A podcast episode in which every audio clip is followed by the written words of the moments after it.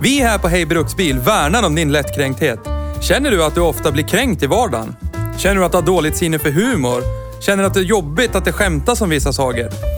Då är detta inte en podd för dig. I och med att du fortsätter lyssna förbi det här meddelandet friskriver vi oss här på Hej Bruksbil allt ansvar för hur illa du tar vid dig när vi gör följande. Plockar fakta ur röven och hävdar att det är sanning. Hur mycket över gränsen vi går för att bevisa våran poäng i en sakfråga samt diverse stämplingar av vissa typer av människor endast baserat på vilken bil de framför. Tack för oss på Hej Bruksbils redaktion.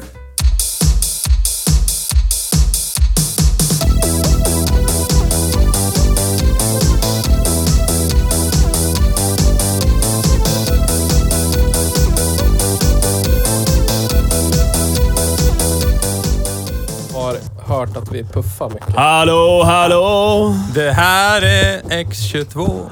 Jag söker efter dig. Jag Jag anropar försvunnen astronaut. Hallå, hallå. Ingen under 30 Nej. tar det där alls. Nej. Knappt det. 33, 32. Vi är Iron Dead. Riktigt bra bit. Nu har jag stängt av Siri. Ja, det är bra det. Hon lägger sig i rätt ofta. Ja, hon gör det fortfarande, men hon gör det tyst. Ja, tyskt. Hon, eh, hon så här äh, smeker mig på handleden. Ja. Ja. Hallå, hörru. Prata med mig. Hej. Du, vill prata med mig. har ett svar på din fråga. Vi Eh. kör igång. Säg de, de eftersökta, traktade orden. Ta en liten konstpaus bara.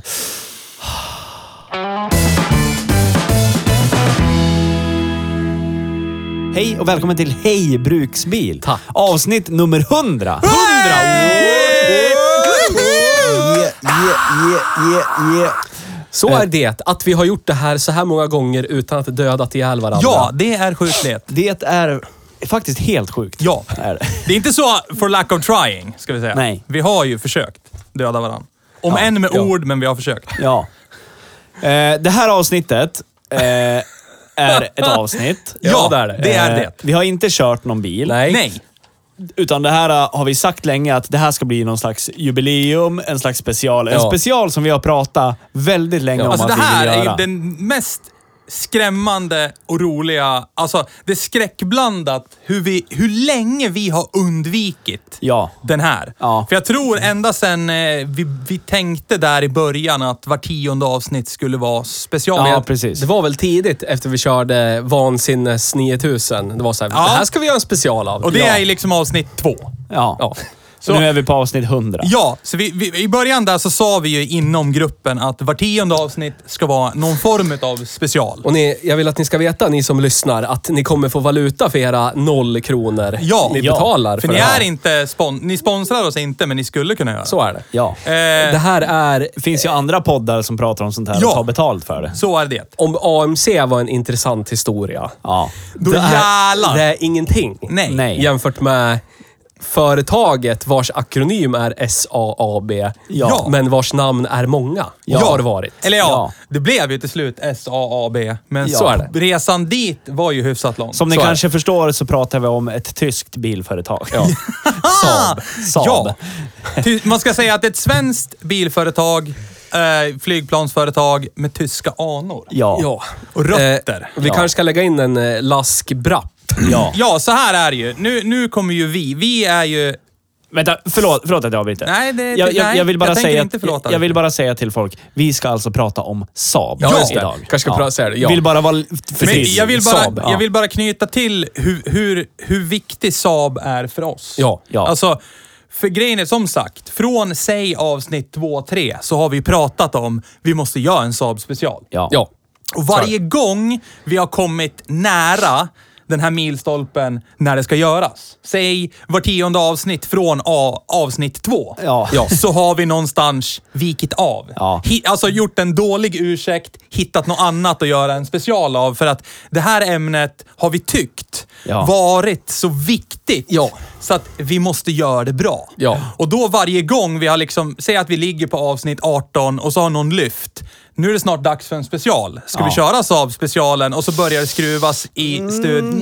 Ja, alltså jag känner inte eller jag vet inte. Och Det så ska har vara vi, och så har planeterna vi, i linje. Ja, och så har vi hoppat det då. Och så kommer vi sig framåt vi, vi, avsnitt 29, då är det så här, ska vi göra en Saab special? Ja, mm, ja. Och det mönstret har ju någonstans upprepat sig gång på gång Ja. under två års tid. Så, Så har vi liksom, vi har haft det i synfältet och så fort, det är precis som, vad ska jag säga, det är precis som när man var där på fritidsgården, 13 år gammal, Ja. sista låtarna, det är tryckare och man har sett den här tjejen, man har liksom världens crush på. Ja. Och ytterligare en fredag går förbi på fritidsgården att man inte bjuder upp till en tryckare. Kan ni ta i luften vilken den sista låten som kommer upp i ert huvud var när det var dags för tryckare? Oj. R. Kelly, I believe I can fly. Okej, Ja. din då Magnus? Inte för att kan jag inte tycker om R. Kelly direkt Nej, som person skit i det. alls. Det- Men bara, ja, bara den låten. Ja, så i det. luften vilken låt du tänker på. Alltså, det var, vad heter den? Eh, Det, all, all, East 17, den där låten. eh, Jag kommer inte ihåg vad den heter. Ja. Min någon är i alla fall, 17-låt. Hero med Enrique Iglesias. Oj, oj, oj. Ja, hur som, vi har liksom hela tiden viljat så väl att bjuda upp den här fa- fagra kvinnan som vi tycker är, Ja. alltså i vår pubertala kropp och sen har det inte blivit av, för vi Nej. är alldeles för rädda. Ja. Det har varit det här avsnittet. För att det är så viktigt. Jag, Ja. Ja. Vi var ju en Saab-familj när jag växte upp. Det Ja. var Saab det. Samma här. Min pappa körde Saab 900, några stycken. Min pappa hade också en eh, Saab 900 GLS. Ja, dubbelfugge. man, som man inte pratar alls för varmt om så ofta. Nej. Alltså, han älskade bilen, precis som vi älskade 330 XD när den funkade. Ja. Och sen var det massa saker som inte var så. Det var ju Saabs quirkiness. Jag, jag är Ja. införstådd. Men, men oavsett, det här är ett viktigt avsnitt för oss. Ja. Ja. Men, nu ska vi försöka berätta om Saabs historia lite grann. Och vi har ju vad vi tycker är viktiga milstolpar. Så är det.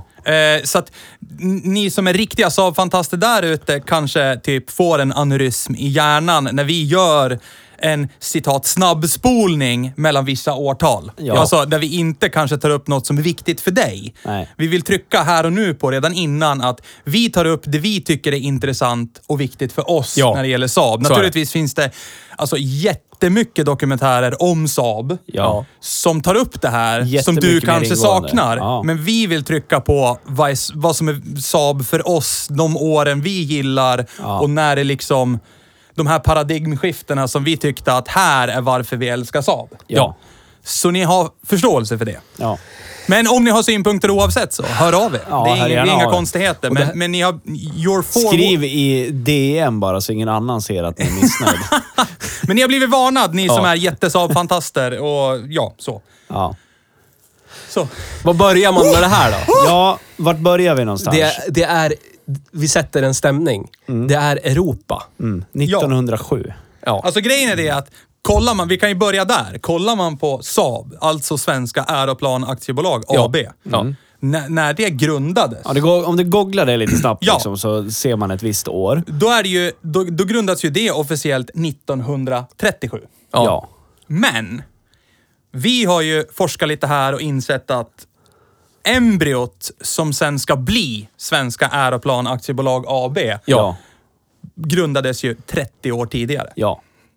Och kanske aningen lite, lite skuggspel, lite, ja, inte fair play. Som och kanske, så mycket ja, annat på den tiden. Ja, mycket annat Ja. på den precis. tiden. Alltså, det, det, det växte ur myllan av eh, någon sorts kringgående av fördrag, regler, ja, etc.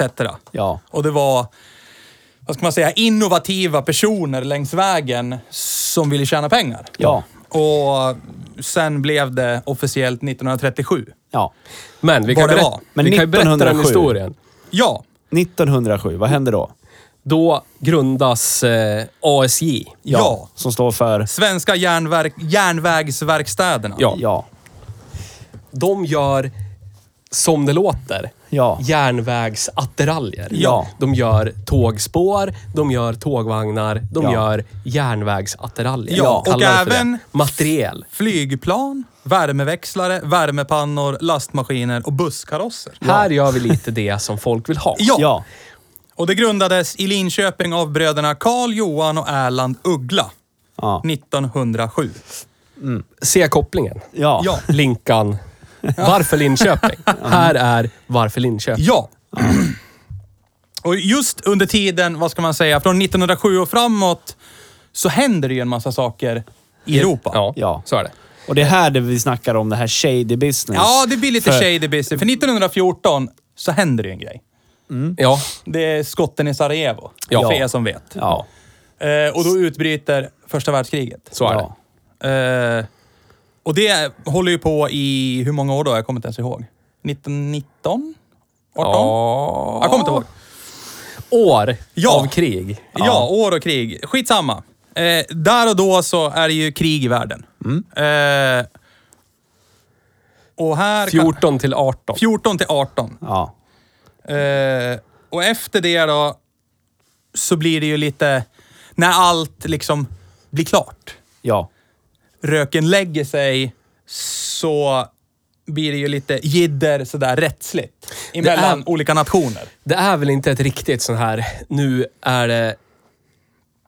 Nu är det över. Utan det är mer så här, nu börjar Hur det bli vi- drygt. Nu, Ja. nu vill vi ha vapenvila. Ja. Ja. Hur löser vi vapenvila? Ja. Jo, vi tar fram ett avtal där vi säger att så här, så här blir det. Ja. Och så här gör vi. Ja, det och var så skriver vi på det. Yes. Vad hette det då? Versailles-freden. Ja, Ja, eller. Versailles-fördraget. Ja. Versailles-fördraget, Ja. freden i Versailles. Ja. Det är en ort i Frankrike. Ja, Därav undertecknades 28 juni 1919. Vad innebär det för ett företag som ASJ då? Ja, alltså...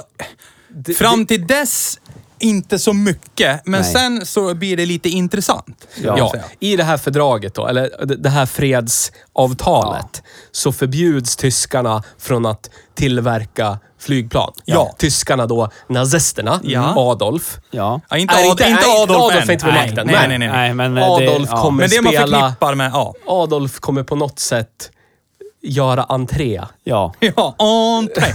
Ja. Passiv entré Ja. via hans ämbetsmän, Ja. Ja.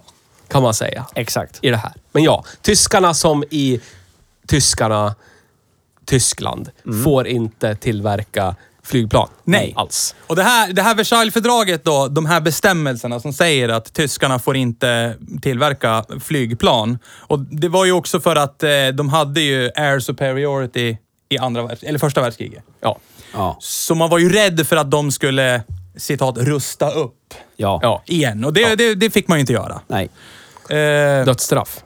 Nja, snarare så att... eh, Och, och det roliga var, eh, där vi, efter andra världskriget så var ju fortfarande Europa lite på helspänn. Ja. Och enda sättet man tycker... Alltså precis som vi har haft många sådana perioder i historien efter det också. Där Ja. man har tyckt att... Men vi, om, om vi skaffar en tillräckligt stor militärmakt så skyddar vi oss. Ja. Ungefär som USA anser att alla bör ha vapen för att skydda sig mot de som har vapen. Alltså, Ja. m- fler vapen. Ja. Precis. Skyddar oss mot Ja. de som har vapen. Alltså, typ så. Och det var ju Versailles-fördraget gjort att man ska inte göra så. Du Nej. får inte tillverka några flygplan. Nej. Punkt jävla slut. Nej. Får ta det lite jävla Ja. lugnt du med flygplanen. Lugn ner dig duva. Men eh, 1921, Ja. 1921 så blir eh, lättas restriktionerna lite. Så tyskarna får börja tillverka kommersiella flygplan. Ja, precis. För folk måste kunna ta sig till och från Precis. ställen. Och eh, av en händelse så kan man ju eh, med ungefär samma typer av, säg, stansmaskiner, man stansar plåtar till ett kommersiellt flygplan. Ja. Stansa plåtar till ett icke-kommersiellt flygplan. Alltså, jag vill ju hävda att enda som skiljer ett kommersiellt flygplan till ett militärt flygplan är ju vad ändamålet är till. Ja. Ja. Alltså, jag menar, jag kan ju göra min X, eh, XC70 till en lastbil. Det är bara det Ja. att jag börjar frakta saker i den så Ja. blir det typ en lastbil. Ja. Men det är ju fortfarande på pappret, i regbeviset, så står det ju personbil. Personbil. Ja. Så att, Ja. ja. Så att, då kan man ju säga, ja, här stansar vi plåtar. De ska vi nita ihop till ett flygplan. Ja, och det ska ju vara ett civilt flygplan. Såklart. Det lär du ju fatta. Det lär du ju fatta, för Ja. det är det enda vi får göra. Ja. Eh, såklart. Så ASJ blir ju på sätt och vis inblandad i det här Ja. när det är en tysk person, Karl Clemens Böcker. Ja. Kleman. Kleman. Tjena Kleman. Han var anställd vid marinens flygväsende i Sverige då, 1920-ish. Ja. Och var pilot. Bara redan där känner jag att det är jätteshady. Ja, det är Ja. lite shady. Och 1921 så var han med och förmedlade ett köp av ett spaningsflyg från Kasperverke i Travemünde. Bakgrunden var att det tyska företaget förutsåg problem med Versaillesfördragets bestämmelser om förbud av export av tyska stridsflygplan. Ja. Ja. Varför det undersökte möjligheten att eh, på ett innovativt sätt få ur delarna ur Tyskland och tillverka i ett annat Precis. Eh, likt, säg, Ford under ungefär samma tidsepok. Eh, om vi tittar, om vi gör en, eh, tittar på Autolatin-avsnittet. Ja. Eh, du får inte importera bilar. Nej. Men att säg bygga alla delar, stansa plåtar, göra länkarmar, tillverka bakaxlar, gjuta Ja. allt som Ja. gjuta skall Ja. i ett annat land, frakta det till landet det. där det är förbjudet att importera bilar bara för slutmontering.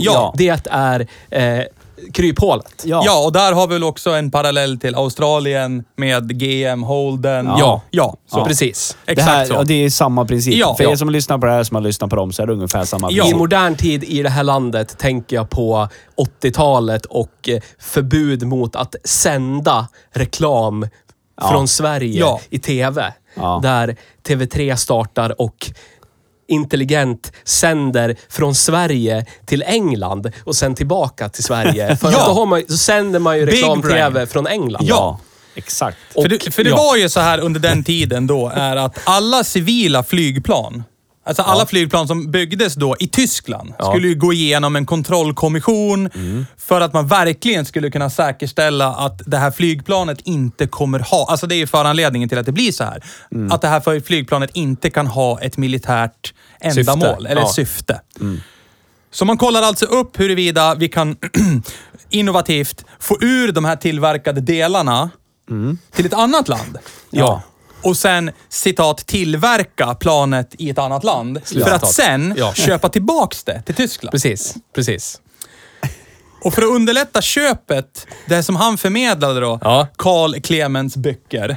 Kleman. Kleman. Ja, med stöd av en viss Ernst Heinkel. Ja, Och ni- som inte är svensk heller. Nej, men ni som vet, ni vet att eh, Mr Heinkel har ju gjort en ganska, har gjort ganska många flygplan för den tyska eh, krigsmakten under Ja. många år. Ja. Men han är ju även också, står han ju nu i efterkrigstiden och hävdar, ja men jag gör ju bara flygplan ja. Ja. Vad de används till, det kan väl inte jag veta. Ja, se till så ser vi lösa Ja, Ja, kommersiellt, det- kommersiellt. vi ska ju- ja, precis.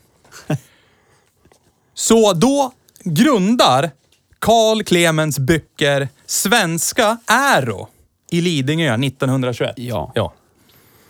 Kontraktet på flygplanet överfördes från Kaspar till Svenska Aero. Ja. Nu tillverkar alltså Svenska Aero flygplan. Och vad är akronymen för Svenska Aero Aktiebolag? Tror. Ja, SAAB. Ja. ja. Men under tiden nu då, så var han anställd vid marinens flygväsende som provflygare. När han då grundade det här företaget så slutade han sin anställning för att bli VD och enda styrelsemedlem i Svenska Aero. Ja, Ni som har inte? hängt med ända hit känner väl kanske lukten av... Det luktar konstigt det här. Ja, Lite grann. Ja. Ja. Det Jättekändigt. är liksom ett, eh, man säga, paraplyföretag. Målvaktsföretag. Ja. Ja. För Typ eh, att gå runt Ja. en viss, eh, ett visst kontrakt. Ja. En viss överenskommelse. Ja. Och det här är ju lite roligt, för då hävdar de ju planet är ju tillverkat i Sverige. Ja. Men det som egentligen var då, och nu ska vi prata ren svenska. Det som var var, det enda vi gjorde i Sverige hos Svenska Aero AB, det var ju pontoner och roder. Ja. Ja. Resten, allt annat smugglades in ifrån Tyskland, sattes ihop i fabriken. Ja. Och det är ju alltså ASJ tillhandahöll verkstäderna i Linköping. Exakt. Där det här monterades. Ja. Därav 1907 och ASJ. Ja. Ja, precis. Den De är ju liksom, tråden. Svenska Aero AB och ASJ är ju någon form av inofficiell symbios redan här 1921. Ja. Precis. Eh, Och här, här är vi liksom... Det, det som är så intressant i det här, det är att nu, Ja. har, nu har vi ju nämnt Svenska Aero AB. Ja. Och det här är fortfarande jättelångt innan det officiella startdatumet för när Saab grundades. ja, ja. Ja. Precis. Men det är ju ett annat, det, det är Ja, ett annat jag vet. företag. Jag vet. För, ja, ja, precis. Eh, eh, det, det är ju inte alls det. Det är det. Precis. Nej. Och det, det som är roligt här det är ju alltså... När det här grundades Ja. så flyttade temporärt tyska montörer och ingenjörer över till Lidingö för att hjälpa till med monteringen av det här flygplanet 1921. Ja. Behöver ju arbetskraft. Vad ska man göra? Ja, så är det ju. Ja. Eh, Det är inte att de vill ha kontroll över Nej, det. nej, nej. De behöver bara folk som hjälper ja, till. ja, ja, så är det. Ja, ja, ja, ja. Vi Och behöver under folk och av någon anledning Ja, så ja, ja. råkar det finnas många ingenjörer i Tyskland. Vad Ja. ska man göra? ja. Och jag tror nog också Sverige tittar väl lite åt det andra hållet, om man säger. Nu har vi ju någon som tillverkar flygplan här i Sverige. Det är ju ganska bra det. Det behöver vi ha också. Ja, ja, det Ja. behöver vi ha. Så eh, om man spolar fram lite här till mitten på 1920-talet så inrättade de en egen konstruktionsavdelning på Svenska R AB. Och Sven Blomberg, som tidigare varit anställd av Heinkel Flygsägverke, anställdes som konstruktionschef. Ja. Så. År 1930 anslöt Anders Johan Andersson från Messerschmitt. Ja. Ja. Ja, så. Så är det. Fint och bra. Trots Svenska är och konstruerade och tillverkade sex olika bilmod- eller bilmodeller, så, flygmodeller på egen hand blev inte tillverkningen den framgång som Böcker räknat med. Riktigt. Nej, för det var väl så att... Ja, flygvapnet var bara intresserade av att köpa prototyper med tillverkningsrätt. Precis. Ja. Ingen ville Så de- köpa de- de- faktiska de- flygplan, nej, de precis. ville köpa De- ritningar. De Ja. ville köpa allting så de kunde sköta allting. För de, det var ju lite dyrare att köpa färdig produkt. Ja. Och vi har ju folk som kan bygga det här, det lär du Ja. fatta. Och det ville ju inte Böcker riktigt släppa eftersom här finns det ju pengar att tjäna. Ja. Så det blev ju problem med finansiella problem och sen så bestämde sig Böcker hösten 1932 att sälja det konkursade företaget till ASJA. Och nu kommer ASJ in igen. Igen. Ja. Det här är ju rätt intressant. Svenska järn... Ja, för då är det verk- Järnvägsverkstäders aeroplanavdelning. Ja. Då har de startat en aeroplanavdelning. Ja, lär man ju ha. 1932. Kanske går lite tungt på järnvägssidan. Ja, ja. Eller så det. ser man bara en lucka Ja. en abyss, ett hål i marknaden ingen till synes täcker överhuvudtaget. Mm. Och ser en möjlighet, en öppning. Ja, exakt. Och under tiden här nu så fortsätter man ju att- att tillverka flygplan med, vad ska man säga då? Tyska rötter. Ja. Det måste det- man ju ja. ändå säga. Ja, Om, man, om, man, om man är Saab-fantast ja. och, eh, hur ska man säga, eh, inte vill tala om de tyska rötterna. Nej. Mm. Synd. Synd. Så De är ganska djupt rotade. Går Ja. inte... går- likt Volkswagen. Ja. Inte kanske lika Nej. lortigt. Nej. Men Nej, men nästan. Det står en Ja, del elefanter i rummet Ja. som väldigt få personer pratar om, om Ja. man säger så. Det är därför som sagt det är så intressant att det står liksom ingenting om det här. Om du Alltså om du söker på Saab bara så står det inte Nej, det. precis. man måste liksom spåra Ja, du lär gräva här, i ja, myllan. Ja. Som Exakt, är, så är det det, här. ja. Det- För nu har ju embryot blivit, säg, en femåring. Ja. Alltså, nu börjar det bli någonting här som är ganska stående på egna ben och kanske också utåt sett blir lite attraktivt därför ASJA köper det här. Ja. För jag menar, det finns ju tyska ingenjörer i det här som har, ja, Ja. som har styrt upp det här. Och det Ja. finns ju en kundbas. Så är det. Som man inte kanske vill tala om. Nej. Nej. Men den är ju där. Ja. Ändå. Pengar är pengar. Pengar är pengar. Så är det. Men så spolar vi fram då från 1932 till 1936. Ja. Där- Det är två år innan en viss händelse. Ja, så är det. Och Tre en- år. Det är tre år efter en viss annan händelse. Där det var, väljs in ett parti i ett visst land Så är det. med en person som heter Adolf. Ja. Som är partiledare. Ja. Så. Men 1936 inleds diskussioner med Bofors. Och vad gör Bofors då? Ja, Bofors vad gör Bofors? De gör eh, krigsmateriel. Ja, och än idag gör krigsmateriel. Ja. Men då, ska bild, då vill de bilda ett gemensamt bolag, alltså ASJA och Bofors. Ja. Och i januari 37 enas man om att aktierna ska delas lika mellan ASJA och Bofors. Ja. Och 31 mars 37 bildas AB Förenade Flygverkstäder. AFF. Ja, AFF. Och här är det lite grumligt, för här har jag försökt...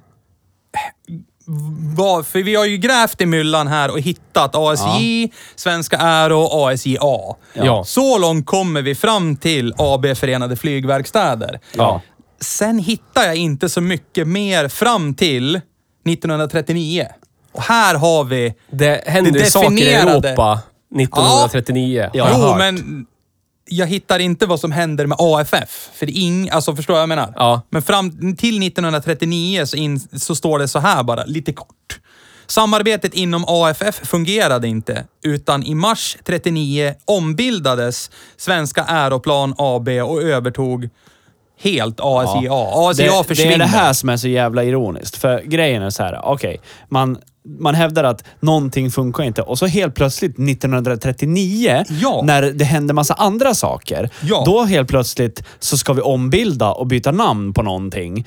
Kan det, kan det hända att det var så här lite, ni, ni är inget bra på det här, nu ska vi göra det Ja. här istället. Alltså, Med tanke på allting kan- annat kan- som hände. Ja, jag kan tänka mig att det var en dissonans mellan då statligt ägda Bofors och eh, tyska intressen. Att det kanske inte såg så bra ut om man var i samma kakburk och Nej. fingrade. Nej. Så- Att Men det här roliga är- måste vi ha en separation. Det officiella grundningsdatumet för Saab Mm. är ju 1937. Ja. När Bofors och ASIA har Ja. kommit överens om att det ska delas lika. Ja. Så nu har vi kommit fram till Saab. Saab Ja. som vi känner det och det Ja. Saab som fortfarande finns. Den delen av Saab Ja. som fortfarande finns. Ja. Men den, den överenskommelsen ägde rum i Trollhättan. Ja. Ja. Därav Trollhättan som eh, en till knutpunkt Bas, för Ja. företaget Saab. Ja. ja. Så nu har vi först kommit fram till Saab som vi känner det. Ja. Saab som förmodligen alla vet om och när du googlar på Saab så grundades det 1937. ja. Men i själva verket så börjades det grottas redan 1907. ja.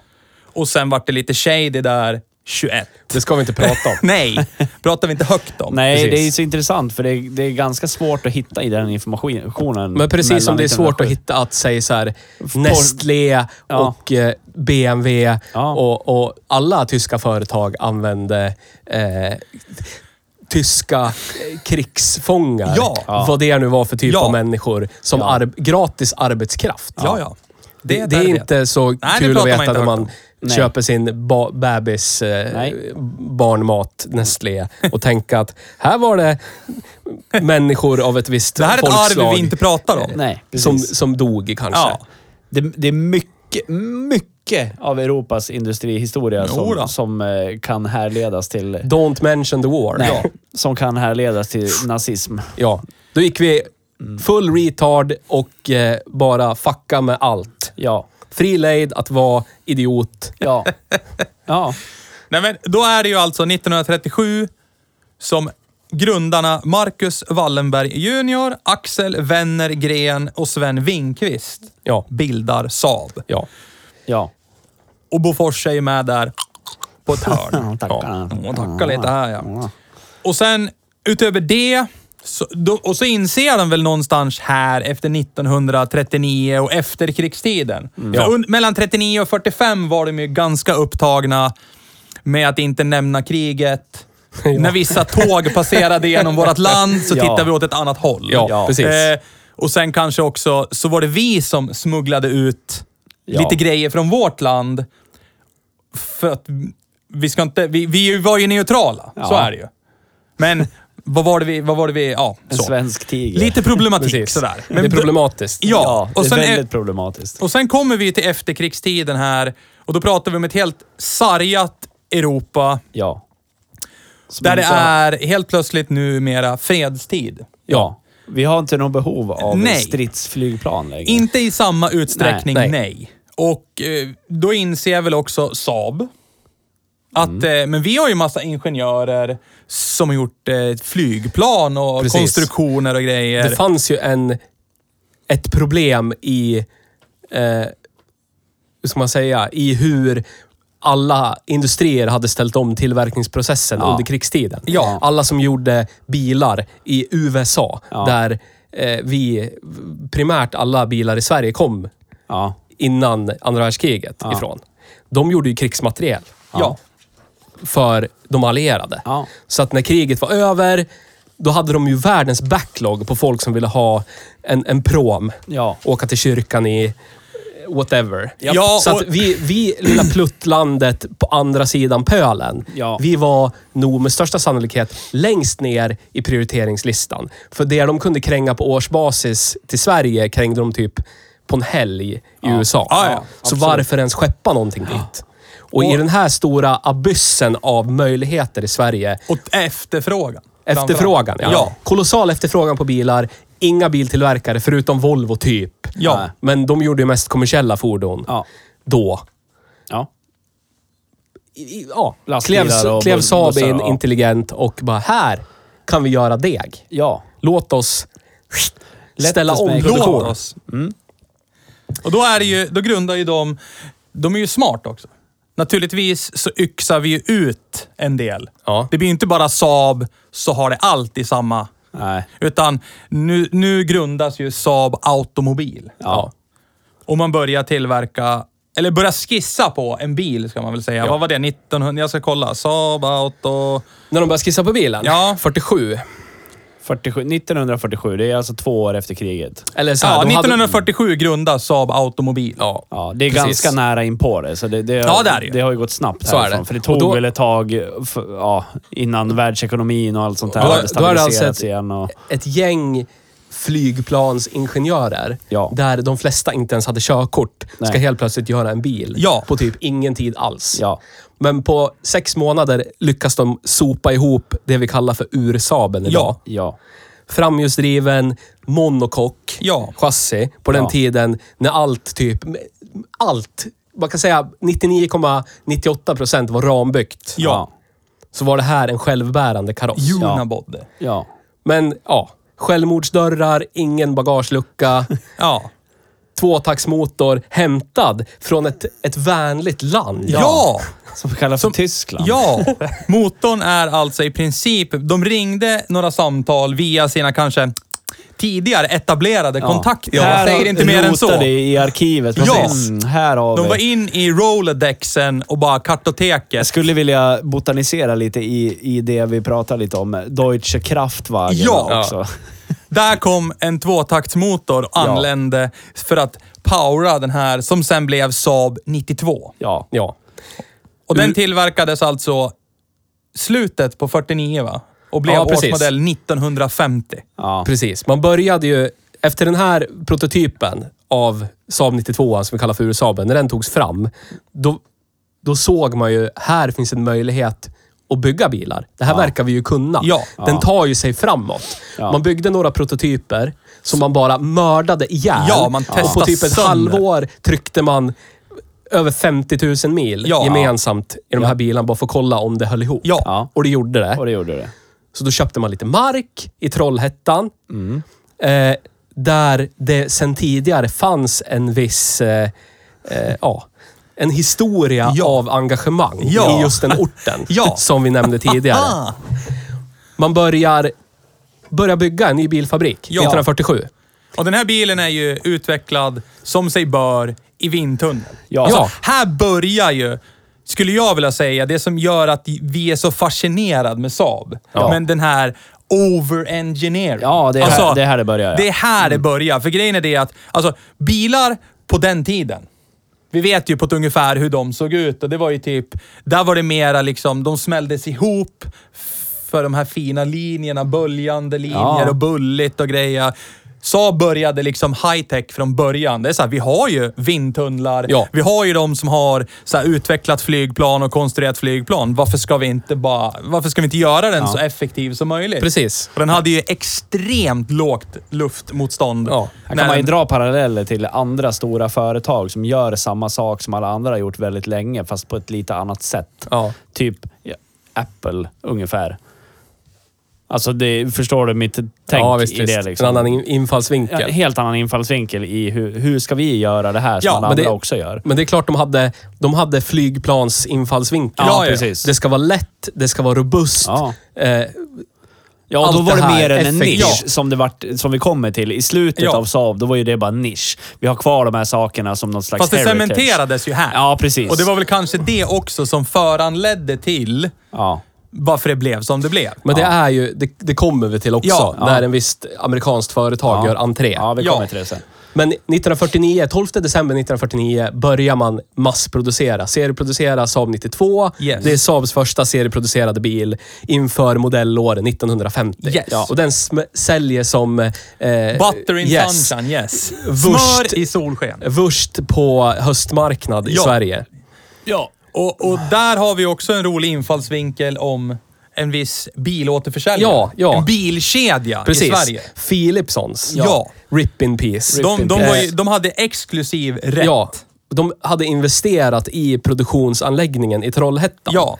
Här är deg, vi vill vara med på tåget, men vill, vi vill få exklusiv rätt. Ja. Det är bara Philipsson som får eh, kränga nya Sabar. Exakt. Ja. Och, och det var, visade sig vara rena rama vinstlotten. Ja, så inför modellår 50 hade de 35 000 förhandsbokningar på nya 92 Ja. på Philipsons. Eh, Shoutout till oss själva. Vi Ja. har gjort merch Fnask med flaskorna. gamla, eh, numera döda bilfirmor. Ja. Ja. Namn. För vi hade en filial av Philipsson i våran stad. Ja, där vi kommer ifrån. Ja. Så du kan med dina människopengar gå in på hejbruksbil.se, klicka dig vidare till merch. Ja. Köp ja. merch. Jag vet inte vilka vi har i gruppen. Vi har Philipsons och Bil och Buss. Bil och vi. buss. Vi vill se en Bröderna Hanssons GM-bilar. Ja. Jag tror den ligger i, i arkiven. Ja. Det ligger som ett Det utkast. kommer mer i Ja, alla jag tror fall. den ligger som ett Men utkast. om du inte visste vad Philipsons var, googla på internet Ja. på Philipsons. Det var typ största bil eh, nasarkedjan i landet. Ja. Första riktiga eh, land och rike runt Ja, stora precis. bilkrängarkedjan. Ja. Tänk Hedin bil eller Bilmetro Ja. eller whatever idag. Ja. Ja. Eh, men de fick ensamrätt på att sälja nya Saabar. Ja. Likt företag idag får ensamrätt på att sälja ett visst bilmärke. Ja. Ja, sålde som smör i solsken. Ja. Ja. Och här, kära lyssnare, finns det de som blir arga. Ja, för här, här har vi, det, apropå det vi pratade om precis i början, att här händer det för lite. Ja, Här är det- här mycket vi- slentrian, mycket likadant. Här är det business as usual. Ja. Det vi inte tog upp nu, innan vi går vidare, men det är det här med vad var det för färg på de här bilarna? Ja. Ja, till de var- exempel. De var gröna. Ja. Och de var gröna av en anledning. Ja. Det fanns jättemycket grön färg kvar Ja. sen krigstiden Ja. som de målade sina plan med. ja. Och det är rolig kuriosa, men det är också Ja. sånt här, det här, det här vet man. Ja, men inte vet man, men någonstans Nej, men- så blir det så här. Det här är vi, nu har vi ju etablerat lite grann backstoryn. Det här är Saab. Ja. Eh, och så här började Saab Automobil. Ja. Eh, och sen så... Här, här, här var ju inte ens någon av, inte ens min farsa var ju påtänkt Nej. här. Så jag har ju aldrig liksom varit i närheten Nej. av de här bilarna på det här viset. Och inte heller sett så många utav de här bilarna. Så någonstans så skulle vi ju vilja spola fram lite till vad vi anser är lite viktiga datum ja, för oss i För- Saabs historia. för om man tittar bara, om man ska titta snabbt över, över 50-60-talet. Då har vi eh, Saab 93 det är typ en vidareutveckling på 92an, fortfarande tvåtaktsmotor. Ja. Du har Saab 95, Saab 96 som är en, ja, en, mer eller mindre samma design. Men kombi. Lite förädlad, Ja. ja, en kombi.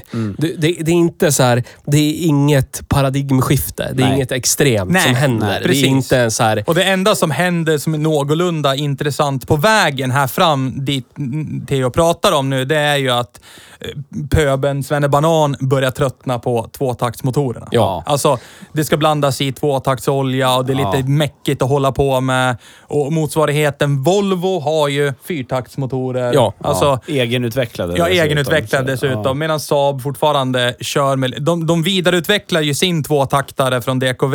Ja. Eller den de fick. Ja. Och fick ut lite mer hästar och gjorde den lite mer effektiv och gjorde om den till vattenkylning. Ja. Och, och sen var det ju en, en väldig karusell där, där det skulle bestämmas. Vi ska ha en fyrtaktsmotor. Ja. ja. Och de hade ju planer på att utveckla en egen. De hade lite kontakter med Fiat, eh, eller Lancia. De hade lite kontakter på andra håll. Men Saab ville någonstans gå sin, först sin egen väg när det Ja. gällde fyrtaktsmotorn.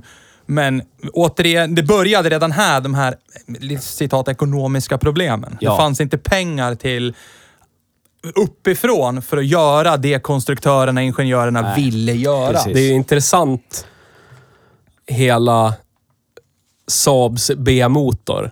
Det som är Saab-motorn in i döden. Ja. Som Ja. fick 16 med tillstopp, som blev 2,3 Ja, ja. lite sen.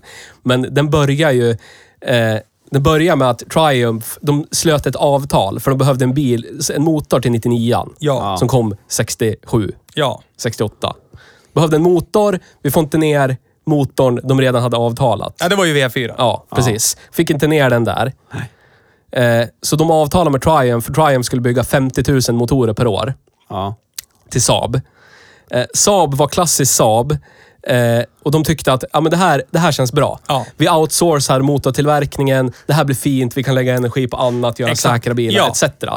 Eh, direkt, typ till en början, så tyckte Saab att det här var ju skit. På, på Saab-vis känns det som. Lite Saab S. Så här kan vi inte det är så ha. här. Den Så här motorn är ju inte så bra. Nej. Men här- sparar å andra sidan jättemycket så tror pengar jag- på det, säger några i styrelsen då. "Ja, Det skiter vi i. Jo, men jag, jag kan ju tänka mig också att i, vid det här laget nu, tänk att du har ganska, ganska, ganska många uvar inom Saab. Ja. Som har varit med på ingenjörsbasis ganska länge. Ja. De kanske tog, mottog den här Triumph-motorn och så bara insåg de, det här kan vi ju bättre. Ja. Fast vi har ju fortfarande avtal med dem. Ja. Hur löser vi det här framledes? Så, så var det, som jag minns det, min efterforskning, så köpte de väl loss ritningarna och rättigheterna till den här motorn för att kunna vidareutveckla den själv. Ja. Så de, de tog i princip, säg att de tog basen, som var den här fyrcylindriga Triumph-motorn. Ja. Lite snedställda. så. Ja. Och sen så börjar de gå apeshit på den själv. Ja. Ja. För att de, hade, de, de såg konstruktionsproblem. Triumph ville inte, nej vadå, det är det här du får. Ja. Här har vi avtalat, här, det är den här vi bygger. Engelsk byggkvalitet. Och Saab bara, nej tror jag inte. Vi, licens. Ja. Och så precis som du säger, de byggde en ny fabrik. De bara, det här kan vi ha själva. Ja. Kosta Ja. vad det kosta vill. Ja. Byggde Återigen, en- pengar är inget problem. Precis. Nej. Byggde, Eller är en, det? byggde en ny motorfabrik i Södertälje.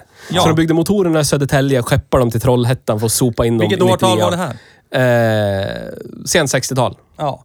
För här, här är det ju roligt att du nämner Södertälje, för 1969 Ja, så har vi ju... precis. Nej, sex, ja, 69. Så, är, ha- så sly, sluts det ju någon sorts samarbete slash man går ihop Ja. med en annan tillverkare av fordon. Ja. Ganska stor Som tillverkare har ett fordon. högsäte i Södertälje. Ja. Som heter Scania. Ja. Eller Scania Vabis hette de då. Ja. Ja. Ja. Och då vart det företaget Saab Scania. ja. Och där, i, där kanske det var, eh, vad heter det, vad heter det, uppvaktningen innan 1969. Så var det ett annat företag som kände, tja grabben, bjudlunch i Södertälje någonstans på en Ja. fin krog. Och så, ja, så vart det liksom Saab Scania 1969. Wallenberg bara, tja. Ja. Wall Enberg, ja. Ja. Och ja, men ska vi återkoppla till Saab 4? Hade du något mer? För, för den hängde ju med hela vägen ända in i Men vi pratade aldrig om... avgrunden. Ja, B-motorn blev H-motorn sen, men det är ju samma. Ja, det är men- ju liksom en... Vart kom... Var vi in, jag tror vi aldrig nämnde det, vart V4 kom ifrån. Ja, den är ju Ford. Ja, Ford. jag tror inte vi nämnde det. Nej, alltså det var ju diskussioner först. Ville Ja, för de... du pratade om Lancia, Fiat. Ja, de, var, de hade Ja. ju liksom lite sådär, men de ville ju tillverka motorn själv. Ja. Och det var så här på Saab-vis, jävligt envis. Och förmodligen, jag kan gissa, med, med ganska mycket högmod och så här förakt mot alla andra eftersom ingenjörerna tycker det där kan vi ju bättre själv. Ja. Och de hade ju säkert rätt, men pengarna för det kanske inte riktigt fanns där Nej. och då. Nej. Så via en utomstående, det, det enda som jag har förstått där är ju via en utomstående finansiär. Så slöts ett avtal med Ford Mm. Ja. om att plocka in fyrtakts V4. Det fanns ju en anledning varför man valde Ford och varför man valde den motorn. Berätta. Eh, Ford i utvecklingsfasen av eh, Tanus 12M, 15M, Mm. använde en Saab 92 som testmule. Där man häktade i det som skulle bli den framtida drivlinan i Tanus 12M och 15M. Ser, så att ser. Ford hade ju ett färdigt De hade bolt-on-paket. utsträckta händer till varandra. Okej, ja, det ja. var, Ja. jaha, här kan ni köpa på licens, allt är färdigt, häkta Ja. i Ja. och klart. Så har det vi har vi provat till av. folket. Ja, Ja, ja. precis. Ja. Det tackar vi och bockar för. Ja, så det var enhälligt. Pengarna, slippa utvecklingskostnader. För Ford hade, Ford hade gjort det. Ja. Det var ett lätt val. Och sen vart det ju efter det Triumph-motorn som sen blev H-motorn. Ja. Och, och den går ju till historien, det vet alla ni som är Saab-fantaster, vet ju att Saab 4 hängde ju med hela vägen ända. Hela vägen. Ja. Men 1969 så vart det ju Saab Scania. Ja. Och Ja. där vart det ju där vart det ju en ögonöppnare för ingenjörerna på Saab. Turbo. Ja. ja. Och här kommer det ju... Det, där- nu börjar vi närma oss. Nu kommer det ett paradigmskifte. här. Ja, nu Mm. börjar vi verkligen närma oss varför vi verkligen vurmar för Saab. Ja. För ingen innan hade ju tänkt på att sätta en turbo i en personbil. Nej. Det är ju bara en onödig utvecklingskostnad och kostar alldeles för mycket och det är, det är väldigt komplicerat att få det att funka. Bla, bli, blu, bla. Vi kör på de här som vi alltid har kört med, bla, bla. Men återigen Saabs egenhet. Ja, för det... Förlåt. Nu stopp. Stopp För, och belägg. eh, vi kommer in på det här, för vi kommer ju komma in på varför man va- valde att ha turbo, för effektivitet, Ja. bla bla bla bla bla. bla. Eh, när man, det var ju i princip samma sak med ursaben. Den var ju skit. Alltså, den hade ingen bagageutrymme, det var suicide doors, den var liten, konstig. Men man gjorde, det var tusen miljarder gånger viktigare att bilen var effektiv Ja. och sparade bränsle. Ja. Snarare Och än att framförallt den var, innovativ. Snarare än att den var praktisk. Ja. Precis. Mm. Och det här kommer ju igen. I Ja, Det det här går igen. typiskt Saab-eskt. Ja, Ja. det, Hur gör vi det bästa? Ja, men likt ett flygplan. Ja, alltså, ja, det, det, exakt. det är deras primära jobb. Vara effektiva, ta sig långt, skjuta ner motstånd, sh- ha, no, no. ha bränsle kvar. Don't Ja, men mention the war. det är det enda man tänker på. Aerodynamik, eh, alltså Jo, jo, jo. effektivitet. Men jag bla, bla, tror ju, det är det här som fascinerar. Och om vi, jag pratar bara för mig själv nu. Det är det här som fascinerar mig något så vansinnigt med Saab. Alltså, säg från, från 92an och framåt. Hur man, som du säger, har försakat de här sakerna som kanske gemene man Ja. tycker är viktigt. Att Som- jag får in ja. några resväskor där, att jag kan få in hela familjen komfortabelt. Saab körde lite som du säger Apple-stuket. Det är så här, K-bry vad du vill ha. Ja. Det är det här vi vill presentera. Det ska vara snyggt, det ska vara innovativt, det ska vara high-tech, det ska vara så här... det ska vara lätt. Ja. 50% av våran produkt kommer bara njong, gå över ditt huvud, men det Ja. skiter vi i. Men det är bara det här käften. faktumet att de hade... De har gjort... De hade inte gjort någon kombibil på 20 år innan de gjorde 95 Nej. Och då var det typ... För att GM typ sparka på dem Ja. och tvinga dem att göra en kombi, Ja. så gjorde de en kombi. Ja, men det var ju Ja. 95 Ja, de gjorde 95 Ja. Och sen kom 95 vad var det? Ja, Sent halvkombi. 90-tal. Klart det- 98. Ja, Ja. precis. Klart det ska ha en halvkombi. Ja. Ja, och, Och ni- ni- 95 slutade tillverkas 79. Ja, Ja. precis. Så du har liksom 19 år av ingen kombi. Ja. För att, vad ska du med det Ja. till? Ja. Du har ju världens... På riktigt, jag är som sagt uppväxt i en Saab-familj. Ja. Världens största hatchback-bagageutrymme. Ja. Ja. Hela världen får plats Ja. där. Vad ska du med en kombi till? Köp ett släp, häkta på det. Ja. Ja. Sluta förstöra bränsleförbrukningen. Exakt, för det var det enda man hade i åtanke. Ja, ja. Effektivitet, punkt. Ja. Ja. Så här nu i början på 70-talet så föds ju idén om turbomotor i personbilar. Ja. Ja. Det är ju dels tack vare Scania Ja. och dels tack vare en man som heter Sten Venlo. Ja. Som klev in eh, i Saab-koncernen via ANA. Ja. De köpte ju ANA... Har vi pratat om ANA? Nej. Nej. Aktiebolaget Nyköpings Automobilfabrik. Ja. Eh, som var typ bara ett montageföretag. Ja. Det är som typ Valmet eh, Automotive nu i Finland. Ja. Som är så här, här är en fabrik. Den kan ni köpa tid i och så bygger vi Ja. ihop era bilar. Här kan du köpa en John Deere, en Ja. sån där, Ja. en Så sån där. Vi... Saab- K-bry. Ja. Vi Saab- bygger det du vill att Ja, vi ska bygga. Precis. Så Saab köpte ANA. Det är för- ganska sjukt ändå hur liksom de bara så här. Det känns... Bara vi har pratat om så har vi sagt Saab köpte. Ja. Saab förvärvade. Alltså, Ja. pengarna måste ju ha verkligen bara flytit runt och bara rullat fram. Alltså, det måste ju ha funnits vansinnigt med pengar. Ja. Ja. Alltså, fast ändå inte med tanke på att flera gånger så har det ju också nämnts, när man pratar om Saab genom åren, finansiella problem. Ja. Så att, Så är det. jag vet, är det, ja. Ja, men- det, det är ja, intressant. De, hade ju, de köpte ju ANA för att ANA hade erfarenhet av karosseritillverkning. Ja. Och det har vi pratat om i Australien specialen och, och Brasilien specialen, Ja. Auto Latina. Att ett företag som pressar plåt kan vara nyckeln till all möjlig typ av effektivitet. Ja. Och någon gång framledes kommer vi ha typ, tycker jag, nu har jag inte, nu bara outar det här rakt ut, en British Leyland special. Ja. För där har du också det som gjorde British Leyland till British Leyland. Eh, det var att eh, ett företag som hette eh, Pressed Steel Ja. köptes. Och de gjorde, de gjorde de, de gjorde paneler till alla brittiska biltillverkare. Ja. Så när man hade Pressed Steel, då hade man alla i Ja. sin lilla hand och klämde runt bollarna. Ja. Men på samma sätt förvärvade Saab ANA. Men det här är ju rätt, det här är rätt fascinerande också, hur sig företag, alltså generellt, bedrivs idag på 21st century. Det är så här, du är ett stort företag. Det finns ett annat företag som har en extremt hög kompetens och bra personal inom ett visst område. Ja, visst. Och istället för då att lägga pengarna på att utbilda och anställa folk i din egen koncern och försöka konkurrera med det här företaget, så går man helt sonika in, sparkar in dörren, slänger upp en portfölj på skrivbord och säger Ja. du tillhör numera oss. Ja. Nu äger vi dig och Precis. därmed också din kompetens, dina medarbetare och alla dina ritningar. Tack så mycket. ja. Hej då. Men Sten. Ja. Sten Wendlo. Sten Wendlo. Han var Här har vi PR-chef. han. Han blev PR-chef på ANA 1957. Ja. Eh, så när ANA... Eh, blablabla.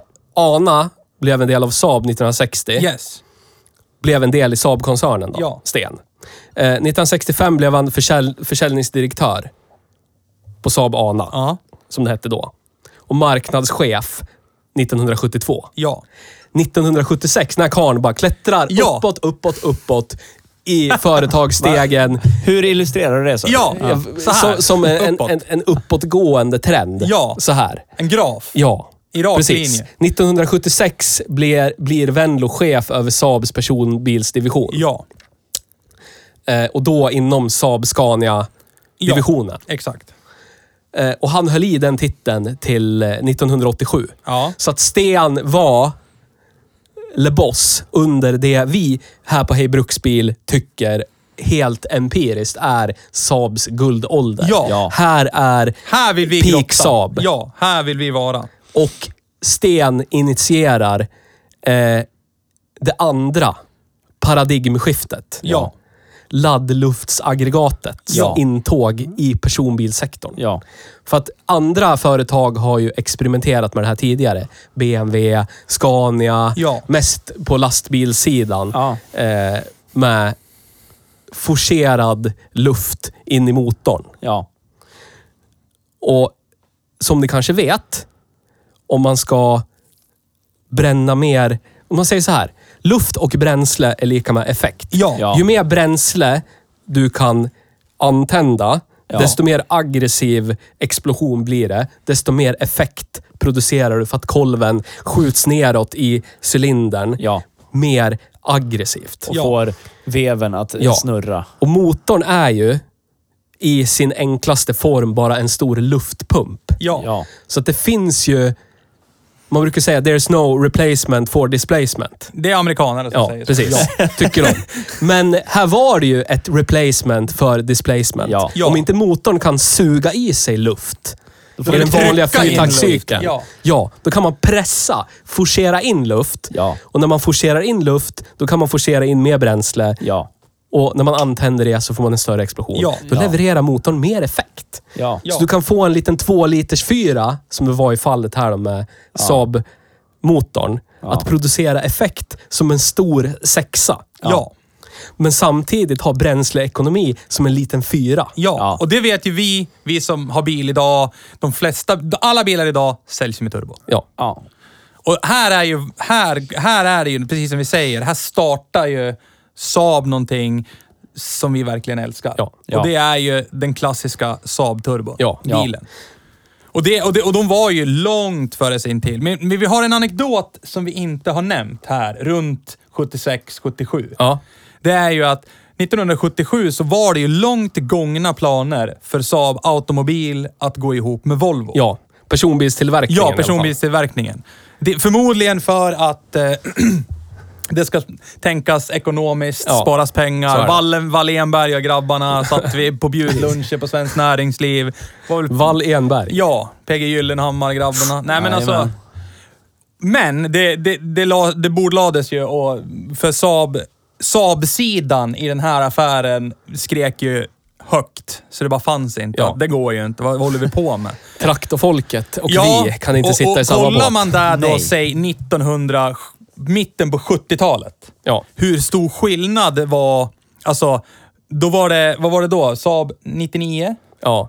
Och då hade du Volvo 240. Ja. Och jag menar, kollar man på de två bilarna så är de ju så verklighetsfrånvända Ja. för ändamålet och vad man vill förled, framleda Ja, i, ja. i vad man vill skapa för någonting. Och, och därav också förmodligen så att Saab vill ju fortsätta på sitt spår med arvet av flygplan, Innovation. luftmotstånd, innovation, ligga i framkant. Medan Volvo typ bara smällde ut grejer med gjutjärnspisar. Här, låda, Ja. funkar, du får plats Ja. med allt, hörs. Typ så. Skit i vad den drar. Så det var bara en rolig anekdot. Jag vill, Det Ja. var prat om att våra två stora svenska bilmärkesgiganter skulle gå ihop och hjälpas Ja. åt. Men det blev inte så. Ja, jag skulle vilja, alltså, jag, jag pra, frå, frågade er det här innan vi började spela in det, men jag känner så här, jag skulle vilja resa tillbaka i tiden. Sitta, sitta och lyssna, ja, men som en fluga på väggen i Volvos I ett rökigt konferensrum. rökigt konferensrum på Volvo och höra vad de pratade om när de pratade om Saab, Ja. vilket de oundvikligen gjorde. Jag skulle också vilja sitta Och i- vice versa. Ja, exakt. Jag skulle I vilja Saabs sitta och höra vad. Saab Ja. satt och sa. Jag, jag tror i min, alltså min hjärna tänker att på Volvo så tror jag de pratar mer så här. Åh jävlar, gör det där de. Ja. Ja, det, det var ju lite småintressant. det Men då var det nog Fast på Saab-sidan var det sådär knappt som man pratade om. Det så här, det där är skit, vi pratar om vårt. Hörs. ja, jag tror att det var väldigt självklart vad de ville Men jag tror, göra. jag tror att de var helt ärligt mer nyfikna på Volvo-sidan av vad Saab gjorde än tvärtom. Ja. Jag tror Saab var med så här, Kobri, vi kör vårt Ja. race. Ja. Skit i dem. Ja. Det Men tror jag. under två år då, 76 till 78, så, så lyckades man tämja laddluftsaggregatet Ja. Ja. med en eh, avlastningsventil kallad wastegate på Vastegate. utrikiska. Ja. Ja. Ja. Och det var ju man på- fick den mest, i mitt tycke, ikoniska Saaben. Saab 99 Turbo i kupé-variant Ja. med den lilla plastläppen i fram. Turbologgan i samma logotyp som Scandia använde. Japp. Ja. Där är... Det är Saab för mig. Det är toppen Ja, det är. Saab. Ja. Och det var ju 1977 på Frankfurtsalongen som de ställde ut och visade Saab 99 Turbo för Ja. första gången.